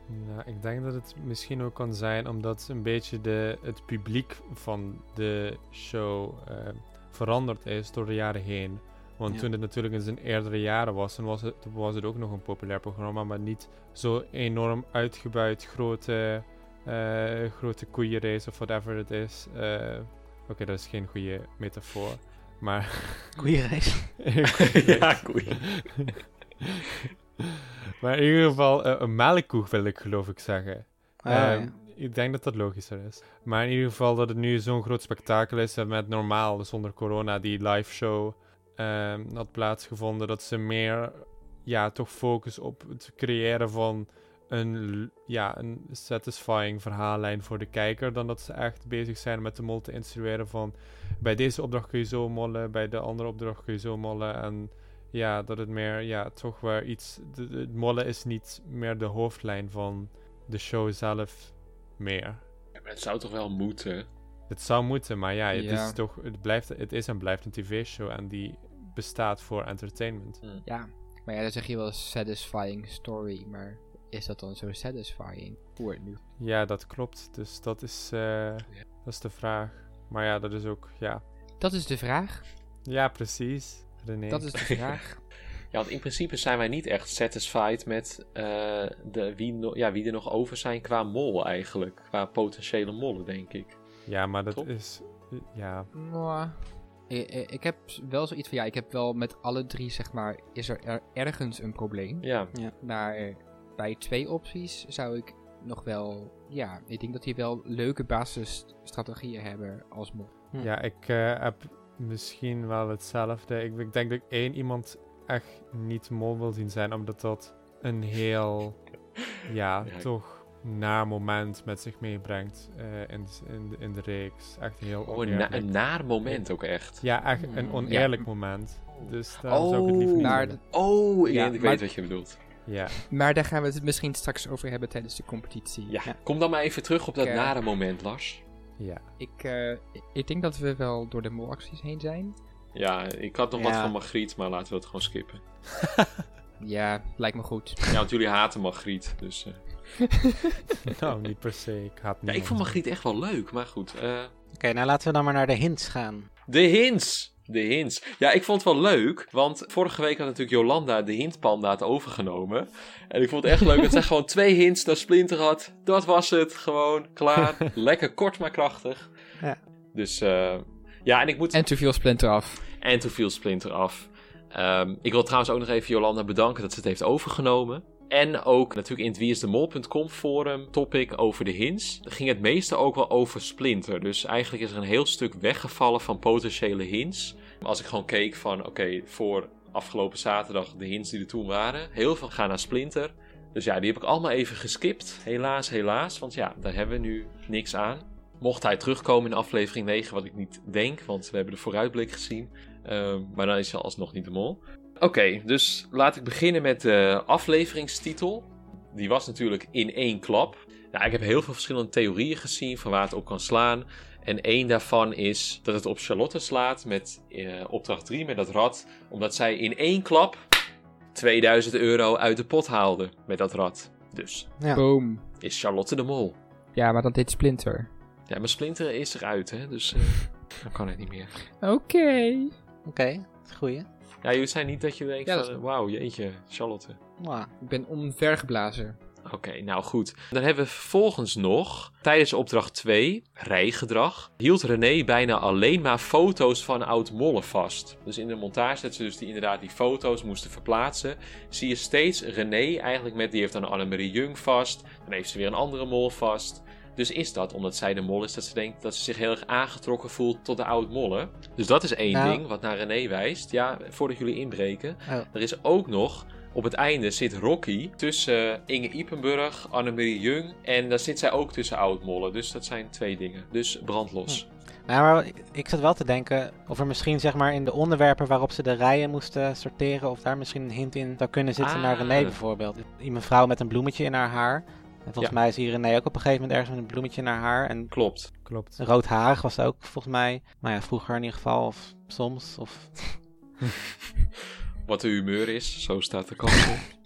ja, dus Ze is ook al ja, misschien dat daar ook nog een hint in zit of zo. Sorry? Ja, misschien de parels en de Ja. diamanten Dat ook inderdaad. kan. Ja, maar dan klopt die Man in Black weer niet. Of maakt het niet uit. Moeten er maar een paar kloppen en dan... Misschien is dat haar favoriete film. Ja, wie weet. Misschien is dat wel de favoriete film, ja. Oké, Ja. nou, leuke toevoeging. Dank je. Ehm, even kijken hoor. Oh ja, dus nog een hint naar Charlotte. Want ik heb nu ook wat meer gekeken van dat we voor alle drie de kandidaten wel hints hebben. Omdat wij eh, vorige keer misschien een beetje veel op Splinter waren gefocust. Ik denk, ik wil het nu wat breder beeld hebben. Wat goed. Dankjewel. Eh aan het begin van de aflevering, dus dit is weer zo'n klassieke Wie is de Mol hint. Aan het begin van de aflevering zitten ze sereen in een bus en mijmert Charlotte over haar verdenkingen. En dan zegt ze onder andere dat ze nu toch wel een keuze moet gaan maken. Ja, dat denk ik ook Charlotte als je in de halve finale zit. En dat ze misschien nu wel blind, of dat ze moet gaan varen op een bepaalde keuze, misschien wel blind. Ja, En welk dier is er slechtziend? Dat is een mol. Dus heeft Charlotte hier weer een ding gezegd van... hé, hey, ik ben eigenlijk de mol. ik bedoel, dat viel mij ook op, maar dat, dat is ook wel weer zo'n... Ja, een beetje een slappe hint. Ja, Ja. maar goed, ik moest iets hebben naar Charlotte. Eh, oh ja, ik had zelf... Ja, daar kwam ik, kwam ik net nog... eh, had ik dat toen Dennis zei dat het zulke mooie beelden waren met die hertjes. Ja. Dat hertjes, maar dat zijn volgens mij reeën. Reeën. Ja. En reeën is een anagram van René. Oh. En in meerdere shots zien wij reeën wegrennen. Dus ja, Maar die trema dan? Trema. Ja, oké, nee, maar Ja. René heeft ook nog zo'n accent eh aigu, is Ja. het? Ja. En Reën heeft een trema, dus misschien dat dat dan tot één accent... eh, ja, dat doet er even niet toe. Ta te potato. Wat zeg je? Potato, potato. Ja, ja precies. Nou, precies. Ja, maar ja, het is een beetje zo'n magriet met bloemen en Klaas met, ik wou zeggen Kraas met kluisten, Klaas met kruisten, kruisten. Eh, een beetje zo achtige hint. Nou, oké, niet slecht. Maar die had ik dus zelf bedacht, dus ik was helemaal trots op mezelf. En toen las ik echt Oh. overal in de YouTube comments, op het forum, las ik allemaal dat die hint terugkwam. Dus ik dacht, nou, zo origineel ben ik nou ook weer niet. Maar die vond ik wel leuk. Oké. Dan heb ik verder nog de hints van het wieisdemol.com forum. Dus ik wil ook iedereen aanraden, ga naar het wieisdemol.com forum en kijk daar in het hinttopic. Het is al veel genoemd, maar ook wat uitgebreider door Jessie of Jessie, dat weet ik niet zeker. Want tijdens aflevering 7 zegt Rick tijdens de executie met een mol in jullie midden. En, ze zitten met z'n vijf op die stoeltjes, zit René in het midden. Oké, nou ja, leuk. Maar het blijkt dus in die aflevering stond René in het midden aan het einde van opdracht 1, 2 en 3. Dus bij alle opdrachten stond ze op het eind in het midden. Als dus Rick weer bij ze komt en eh, nou jullie zijn complete losers, jullie hebben geen geld verdiend. Stond zij dus drie keer in het midden. En bij opdracht 1 en 2 stond ze ook in het midden aan het begin van de uitleg van de opdracht. Dus alleen bij opdracht 3 dan ook niet aan het begin. Dus zij stond in die aflevering heel vaak in het midden.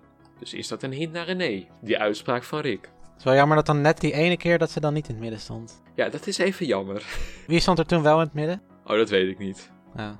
Was dat eh, Joshua die dan gewoon weer haar aan de kant had geduwd? Nee, of- nee, nee. Aflevering 7. Toen was Joshua al lang en breed in Nederland. Oh ja. Het Engelse woordenboek bij te lezen, denk ik. ja. Nou Dat was gewoon de geest van eh, Joshua die haar nog even aan de kant duwde. Misschien, misschien. ja, ik vind inderdaad dat, ja, als ze dan ook nog in het midden had gestaan, dan was het echt een hele sterke hint geweest. Ja.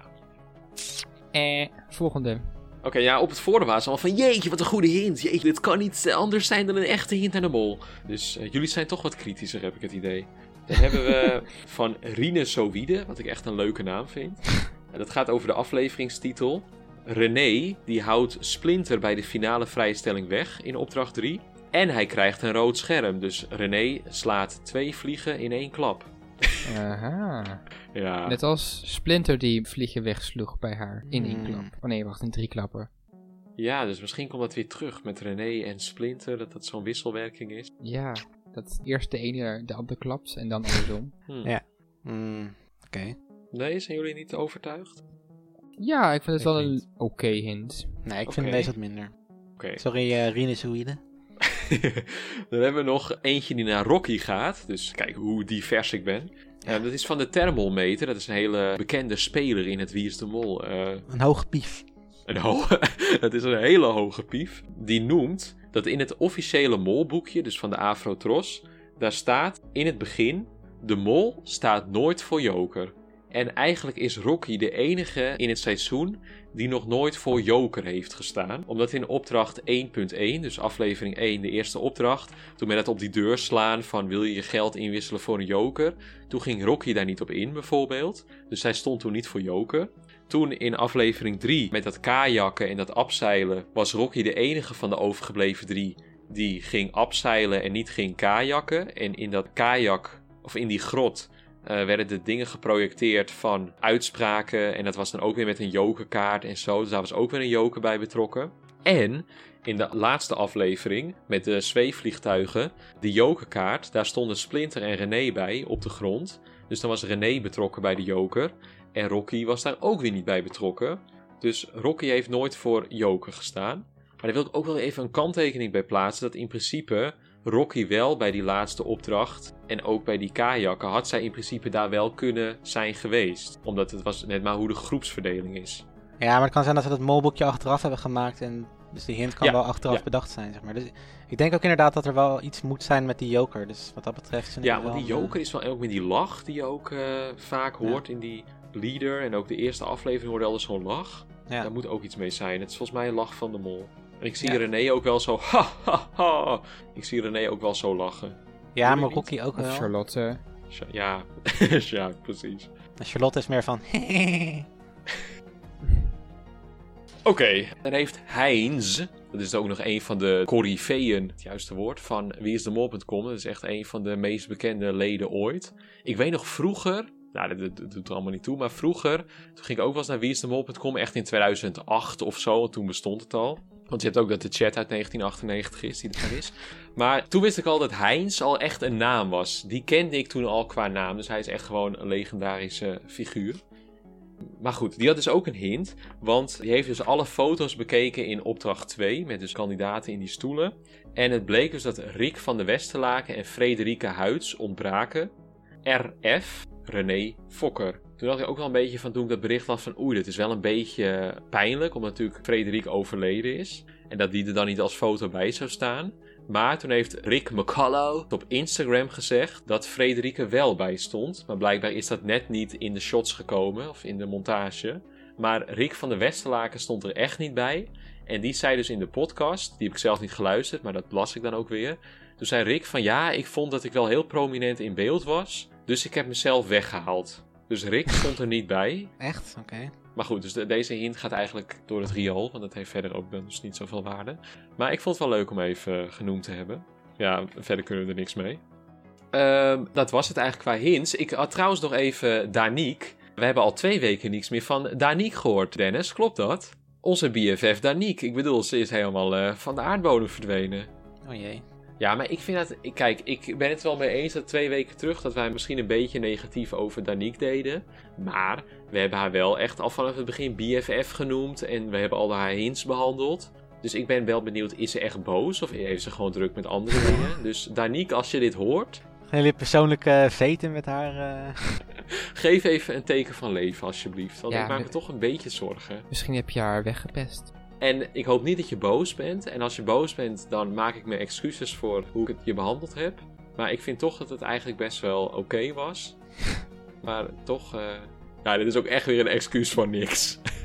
Mooi dat we toch een Jan Pology hebben. Ja, er zit er dan toch een soort van in. Ja, wat lief. Ja, maar dan moet je wel eerst gereageerd hebben. Want ik hoop wel dat je nog steeds naar ons luistert. Want als je ook niet meer naar ons luistert, dan ga ik het ook niet doen. Dan is het ook gewoon einde verhaal. Ja. Maar dus Danique, ik vind je heel lief en heel leuk dat je die dingen... Echt, waar gaat dit over? Goed, laten we gewoon doorgaan. Anders wordt het veel te lang. Ik, ik heb nog een hint. Ja, ja, vertel.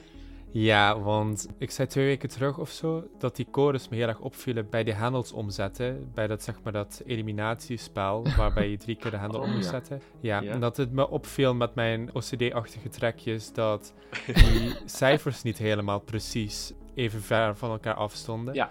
Nou, nu is er iemand die ontdekt had dat als je zeg maar de cijfers pakte die Ehm, zeg maar, ja, er zijn vijf cijfers. Dus als je het groepje pakte met de minste cijfers erin, dat een spatie verwijderd was van het andere groepje, dan kon je met al die cijfers de geboortedatum van Rocky maken. Echt? Dat is, eh, even wat was het? Vier Mhm. en. Even kijken. Maar sorry, dus de, cijfers die ontbraken, hoe, hoe, hoe ontbraken Ja. die precies dan? Dus dat is, je hebt vijf cijfers. En bijvoorbeeld bij, ehm, moet ik even kijken, ik had dat nog eens. Nee. Ja, ik heb hier, hier het screenshot. En bijvoorbeeld bij René eh, is de code zeg maar 806 spatie 82. En dan moet je dus het kleinste groepje pakken, 82. En dus uiteindelijk als je dat bij elke kandidaat doet, kun je 28 02 1984 vormen.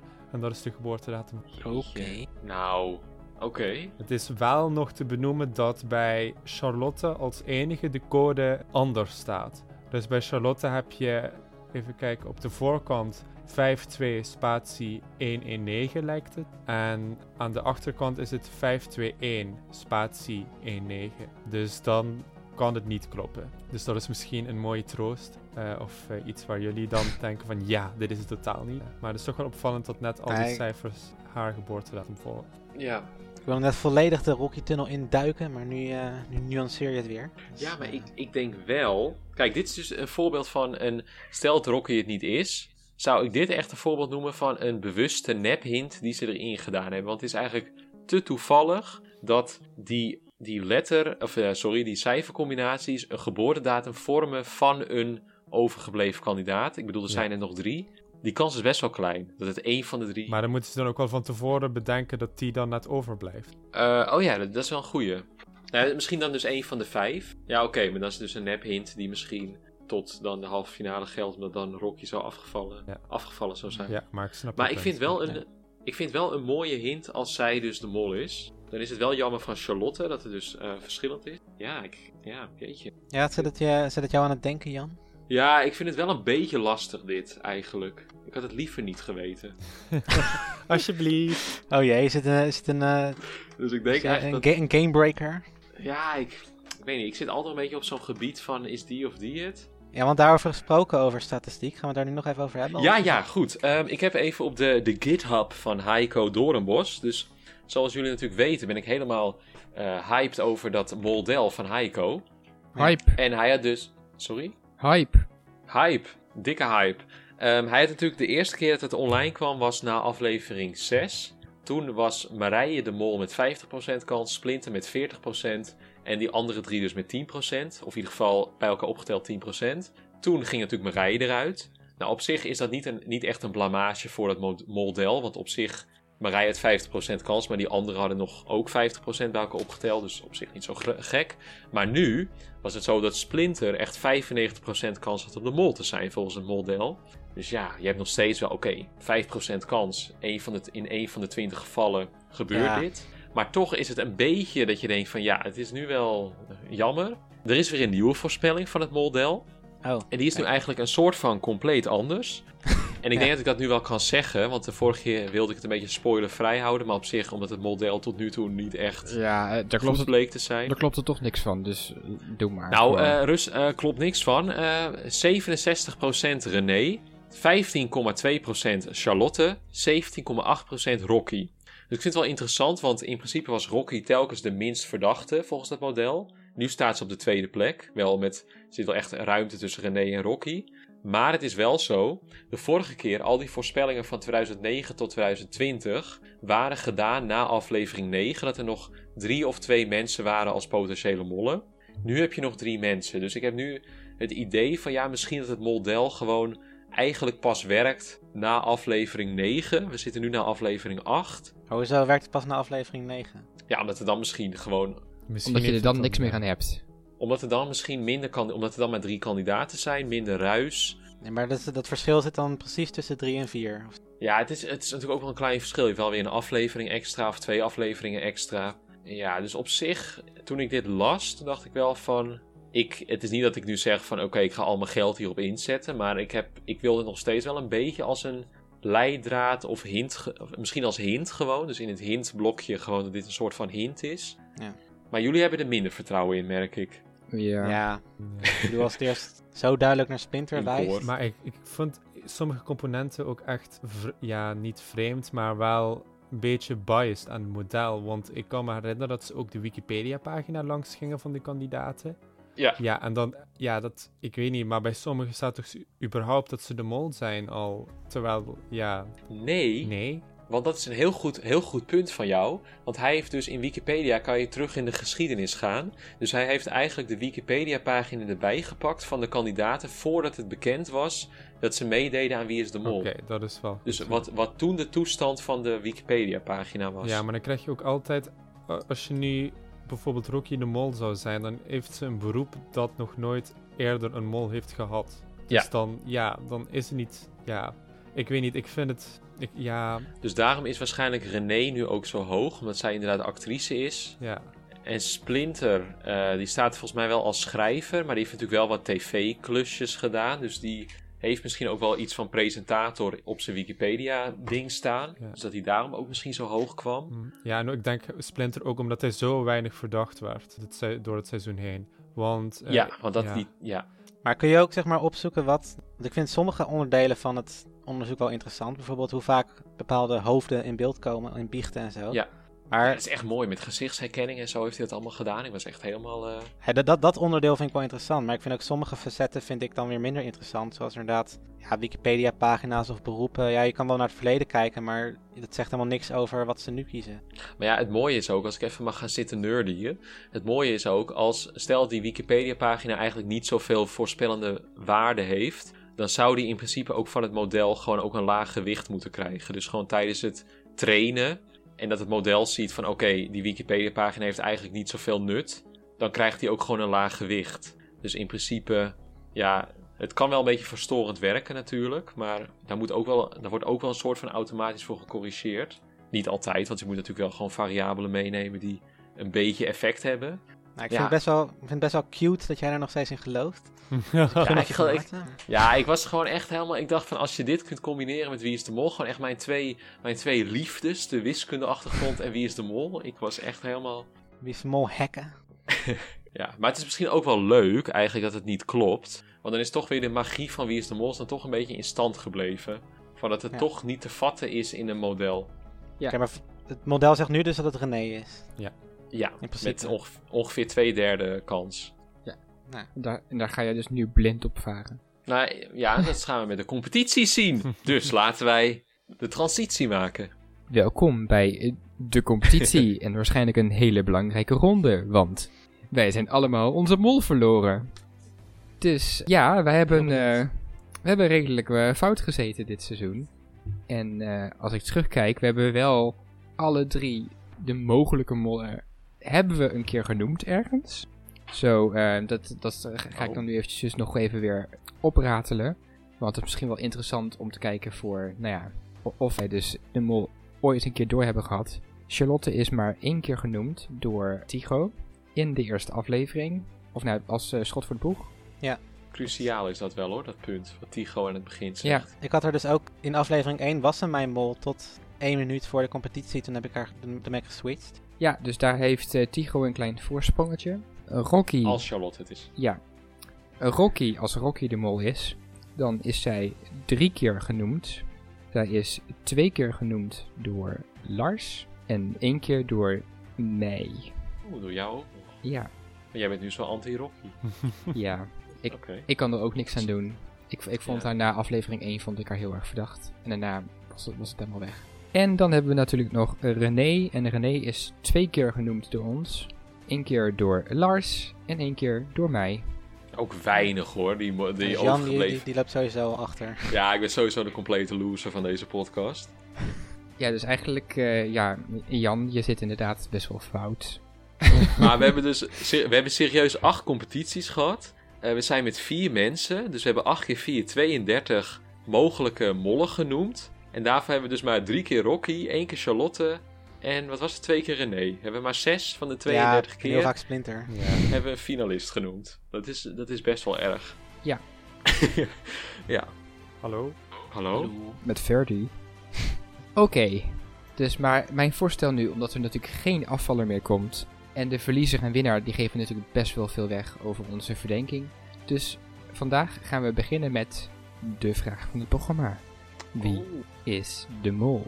En dat wil ik weten van Lars. Ik zeg Rocky. Moet ik daar... Waarom? Oké. om- Ja, onderbouwing. Oké, een hele onderbouwing ook even, ja. Dus sowieso zijn er al dingen waarvan ik denk, ja, Rocky die... Als, we hebben benoemd dat bijvoorbeeld Charlotte, René en Rocky allemaal dingen hebben die eigenlijk, ja, als mol niet echt heel goed te praten zijn. Maar ik denk in de context van het upsilen plus de veiling, meteen de- aflevering daarna, dat het toch wel... Ik kan me voorstellen dat dat, dat ja, enigszins goed te praten is in het feit... Ja, het is niet leuk, maar ja, dan eh, komt er 2000 euro in de pot en dan haalt ze 5000 euro eruit. Dus da- en bij René heb ik wel zoiets van... Bijvoorbeeld met die, met die opdracht in, eh, met de rondleiding. Dat is zoiets van... Ja, die, die context die mist daar een beetje. En ook bij de bus, bij brievenbus, was het ook zo van... Ja, ze geeft dan twee jokers aan de kandidaten. En dan komt er een ja, een, een- netto verschil van 750. Dat ze eigenlijk uit de pot had kunnen laten gaan, is dus niet gebeurd. En ja, Charlotte, ja, Charlotte verdenk Ja, ik vind, ik zou René, ik zou daar nog naar switchen als volgende week René niet op Rocky gaat. Maar Charlotte, die verdenk ik eigenlijk echt niet meer. Dus als zij nog de mol is, dan, ja, dan zit ik wel echt flink, flink mis. En het komt eigenlijk omdat Marije dus op Charlotte eh, zou zitten. Maar ja, ik- om even terug te gaan op Rocky, de molacties die ze zou doen. eh, sowieso de eerste opdracht. Ik zei al meteen van, ja, ik denk dat de mol eh, ja, de, de joker niet zou hebben geaccepteerd. Dus het zijn weer René en Rocky. Maar ook weer, ze heeft dan uiteindelijk toch kandidaten neergeschoten bij het laser gamespel. Ze heeft bij de eh, escape room heeft ze als eerste een vraagfout beantwoord.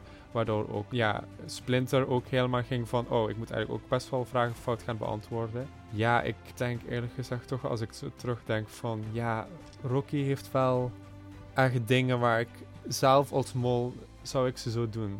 Dus ja. Ja, maar ik hoop wel dat we dan gewoon in aflevering 10 gewoon echt wel leuke dingen van Rocky gaan zien. Want ik vind het nu gewoon een beetje eh, grijs en op de achtergrond. Ja, maar ik denk eerlijk gezegd dat ik daardoor ook wat verdenk. Want ja, René die wordt door iedereen verdacht. Ja. Het hele seizoen lang. En Rocky eigenlijk, ja, niet echt of zo. Dus dat vind ik ook, ja, best wel apart. En kan ik dan concluderen dat jij denkt dat René gaat winnen en dat Charlotte gaat verliezen? Ja. Oké. Zo, heel betogen. Nou, ik vind het wel een mooi betoog. Ja, goed, ge- goed geprobeerd. Nou, probeer jij het eens. Niet overtuigend, maar helaas. Oké, volgende. Wie is de mol? Tigo. Ja, ik ga dan toch weer terug naar, eh, naar Charlotte. Eh, zij was eigenlijk al het hele seizoen een beetje mijn tweede mol. Eigenlijk begon ze eigenlijk als mijn eerste mol. Eh, ze was sowieso mijn schot voor de boegmol. En na aflevering 1 had ik haar als mol opgeschreven. En eigenlijk tijdens de podcastaflevering ben ik veranderd naar Marije. Maar Charlotte zat er nog wel vlak achter. En uiteindelijk heb ik haar afgeschreven na aflevering 3 volgens mij. Omdat ze toen het 21 had geraden. Ja, toen heb ik haar een beetje uit het oog verloren. Maar toen kwam op een gegeven moment die, eh, die bieding. En toen ja, werd alles op zijn kop gegooid. En toen wist ik ook niet meer zeker of Splinter de mol was. En wie het dan wel was. Dus, eh, en toen is Charlotte eigenlijk wel weer een beetje steeds meer naar boven komen drijven als een optie. En dat ik me steeds meer begon af te vragen van nou, waarom heb ik haar eigenlijk afgeschreven? Dus ja, nu Splinter eruit is, vind ik haar eigenlijk nog de meest logische optie. En ik denk misschien dat we volgende week met, na de finale nog wel eventjes uitgebreid kunnen terugblikken op het seizoen. En we dan wat langer kunnen stilstaan bij wat dan precies de molacties zijn geweest. Maar ja, ik vind dat ze over het algemeen bijvoorbeeld bij dat, dat ze niet heel, ja, niet de beste mol ooit is geweest. Dat ze best wat dingen fout heeft gedaan en soms onnodig geld heeft verdiend. Ja, en bij die opdracht vuur en water bijvoorbeeld, daar ja, probeerde ze last minute nog een beetje iets te doen wat ook niet helemaal lukte. Waardoor ze een beetje ja, verschut stond. Maar ja, goed. Ik denk uiteindelijk vind ik René is te verdacht in de groep. En Rocky is eigenlijk te onverdacht. Als Rocky het zou zijn, dat sluit ik niet uit. Maar dan denk ik van, nou, wat, wat hebben we nou eigenlijk helemaal gezien van haar qua molacties? En ja, Charlotte, daar hebben we in ieder geval... Daar kan ik in ieder geval een aan- aantal dingen nog aanwijzen van, nou, daar ze in ieder geval geprobeerd te mollen. Of heeft ze gemold. Dus ehm, ja. En dan is mijn winnaar, even denken, is dan René. eh, René. En de verliezer is dan eh, een Rocky. Yes, staat genoteerd. Dan, wie is de mol? Jan. Ja, ik vind het heel leuk, want wij hebben dus nu alle drie al een andere persoon. Want ik ga voor René als mol. Ik moet zeggen dat ik na de aflevering van gisteren. Ik denk trouwens dat Dennis ook op René zit, maar goed, dat gaan we straks horen. Na de aflevering van gisteren ben ik wel eigenlijk altijd in, in twijfelmodus. Charlotte heb ik toch een soort van afgeschreven. Eh, ook ja, omdat dan gewoon die test van Marije gewoon dan gelogen zou zijn en zo. Dat vind ik gewoon niet leuk. En ik vind ook een beetje bij Charlotte is het ook echt zo dat zij dan... Ze heeft heel veel geld in totaal eruit gehaald met die 5000 euro en die 2000 euro.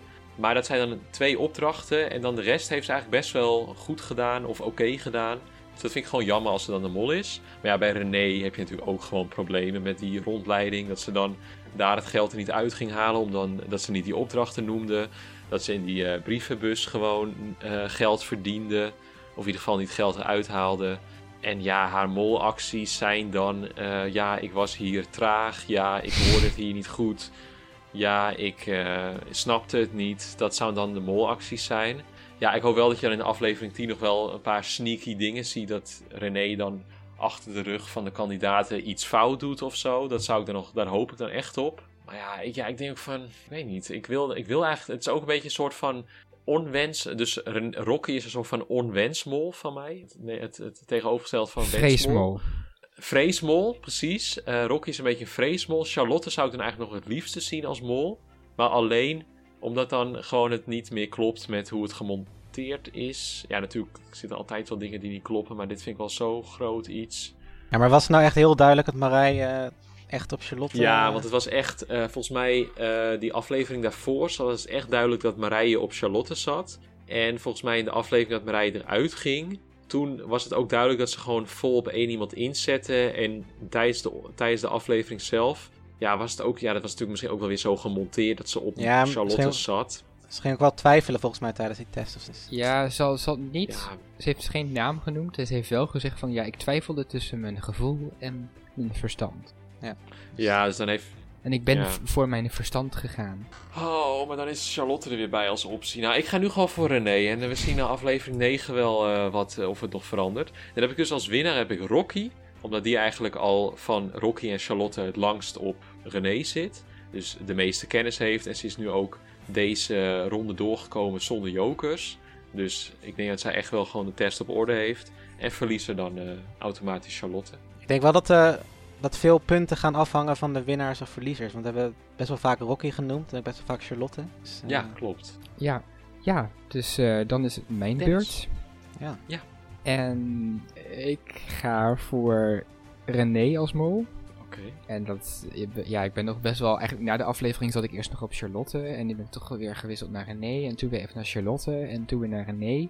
Ja, eigenlijk wil ik zeggen van de, zijn, bij, bij elke heb je, heb je wel een probleem. Inderdaad, bij Charlotte de montage. En natuurlijk niet alleen van Marije, maar ook van de, de aflevering dat er niemand naar huis ging. Omdat dan dus Marije op Charlotte zat. Charlotte de mol zou zijn. René op Charlotte heeft gespreid. Dus dan zou Splinter of Rocky eruit moeten gaan. Maar die hebben beide in een groen scherm gezien. Dat hebben we natuurlijk al eens eerder gezien met Arjen Lubach. 2010. Ja. Ja, maar toch, ja. Dat is, dat, dat is wel lastig. Maar ik zou Charlotte wel de leukste mol vinden. Dus het is wel een beetje de wendmol voor mij. Bij René, dat is ook een beetje waarom ik nu wel voor haar kies. Omdat het toch nog een beetje te verklaren is dat haar acties die niet kloppen. Dus de, de rondleiding, de bus, het ge- geld verdienen bij eh, die opdracht waar ze elkaar moesten uitschakelen. Ja, ze, ze heeft toch nog wel redelijk wat geld opgehaald. Maar als je dan ook ziet hoe verdacht René was over het hele reeks, dan kan je dat nog enigszins verklaren dat ze die acties gewoon heeft gedaan om verdenking van haar af te schudden. Zodat niet Mm. echt iedereen op haar zat. En ja, Ro- Rocky moet het gewoon niet zijn. Dat die zou ik echt gewoon heel slecht vinden. En waarom zou je dat slecht vinden? Ja, die heeft gewoon niet gemold. Dat weet je nog Ja, niet. misschien in aflevering 10, dan haalt ze allemaal molacties uit de hoge hoed. Dat je denkt van, jeetje Rocky, wat heb jij Ja, gewold? nee, dat weet je nog niet. Maar ik heb dat eigenlijk meer bij René. Maar niet die mollen, maar omdat dan die veiling twist met Joshua die dan op René zat. En dat die dan wel...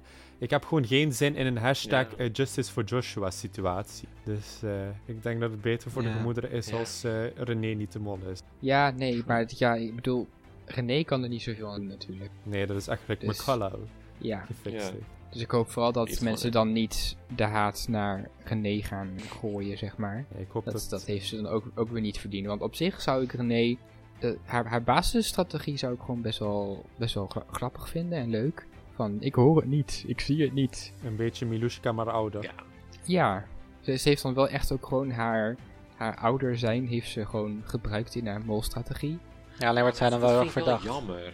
Want ik vind het anders bij Miluska. Want Miluska deed echt gewoon alsof ze dom was. En dat Ja. is ook wel gewoon een actief... Dan moet je actief echt iets volhouden. En René zegt gewoon, ja, ik ben doof en blind. Dat is een beetje makkelijk, vind ik. Ja, maar het is wel ook nog ja, een soort van strategie die we nog niet eerder hebben gehad. Dus ik zou het wel... ja, ja oké, dat, dat klopt. Nee, maar ze wordt gewoon zo erg verdacht in de groep. Dat is voor mij gewoon een, ja... Een no-go. Ja, maar dat kan. Het kan hè, Annemarie Jong en zo. Ja, maar dan gaan ze toch niet zo duidelijk... Ja, dat is inderdaad ook wel een beetje het probleem. Dat af en toe dan denk je wel dat de montage het ook zo neerzet van... Ja, dat, dat moet dan de schuld van René zijn. Dat je denkt van, ja maar... mm. Maar goed, het is Dus- in ieder geval eh, mooi verdeeld. Ja, Ja. dat vind ik heel eh, fijn eigenlijk. En ik, eh, ik denk dan trouwens ook dat Rock- Rocky wint en dat Charlotte verliest. Ook inderdaad om- omdat Rocky eh, langer al op de goede mol zit. En Rocky heeft natuurlijk gewoon, wat ik eerder heb aangehaald, gewoon best wel een, een winnaarsbiecht in aflevering 1 zitten. Oh. Winnaars biecht van ik ga winnen. Ja, ze, ze, ze heeft toen letterlijk eh, gezegd van ja, ik ben best wel eh, op, op de achtergrond en best wel eh tranquilo. Maar let maar op, ik ga winnen. Wauw. Ja, ik had inderdaad van sowieso van zowel René als Rocky niet verwacht dat ze de finale zouden halen. Sowieso, eh, minstens één Ja, van de twee ook. die heeft mij... eh, Ik heb, ze vaak als, eh, ik heb ze vaak als afvallen genoemd, allebei Ja, Rocky en. René. Dus dat zegt wel genoeg, denk ik. Ja, Oké. hoe, hoe mooi zou het zijn als René op eigen kracht de finale heeft gehaald als oudere vrouw. Omdat we toch altijd wel een beetje, ja, zoiets hebben van, ja, die, die, die, die vallen altijd super snel af. En Ja. ja, ik hoop, ik hoop wel dat ze wint. Niet Ja. voor mijn mol dan. goed. ik eh, zou het haar heel erg gunnen. Ja, en dan had ehm, Jolanda, die vorige week inviel voor Jan, die eh, wil ook graag nog eventjes ehm, haar haar verdenking of haar... eh, Oh. kijken, wat wilde ze? Wat wilden ze eigenlijk? Wat, wou- wat wou ze eigenlijk? Oh, wat nu weer? Ze wil ook nog even iets kwijt over dat Splinter nu is afgevallen. En, eh, dus hier komt ze. Lieve paniekzaaiers, ik had nooit verwacht dat Splinter een rood scherm zou krijgen. Ik keek vol ongeloof met een open mond naar de tv. Eerst Lakshmi en nu Splinter. Bizar. Dan blijven er nog maar drie dames over, dus toch. Dit jaar is een vrouw de mol. Ik hoop dat het Charlotte is met haar min 7000 euro. Maar ik ga toch weer naar René, die ik in het begin verdacht vond. Voor mij is het Rocky niet. Als het toch is, dan is het weer een enorme blamage. Ik heb gehoord dat het date van Jan Zoel was en hij heeft mij in geuren en kleuren verteld hoe ze los zijn gegaan. Nou, toedels! Dankjewel, Jolanda. Ja, dat was echt heel inzichtelijk. Ja, jullie ook bedankt. Dat eh, was hem weer voor deze keer. Ja, nog even Ja. één oproep. Als jij nu denkt van, ik wil heel graag zeggen wie ik denk dat de mol is. O laat, ja. het ons, laat het ons weten. Stuur het in.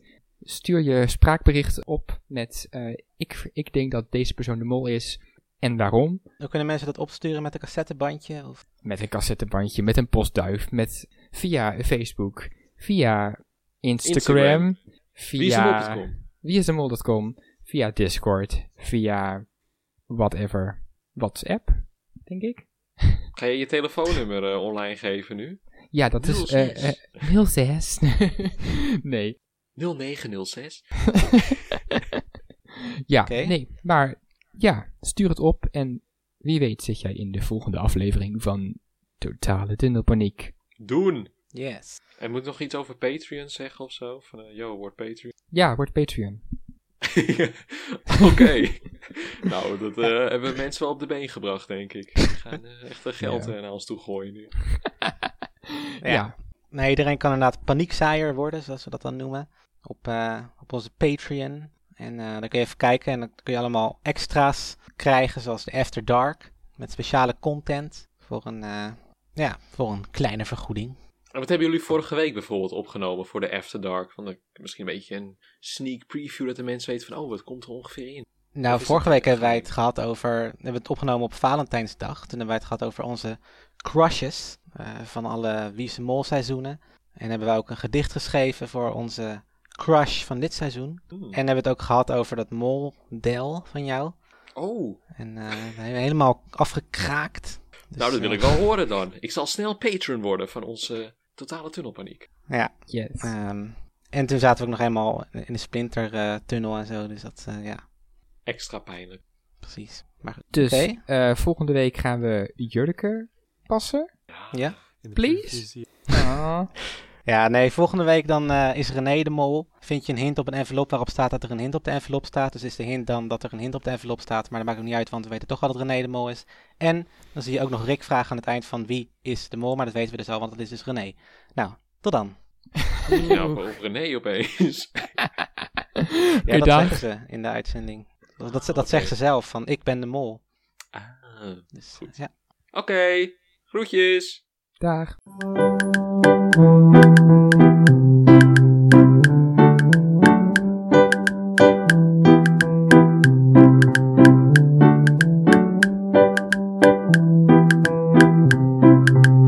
Er was totale tunnelpaniek.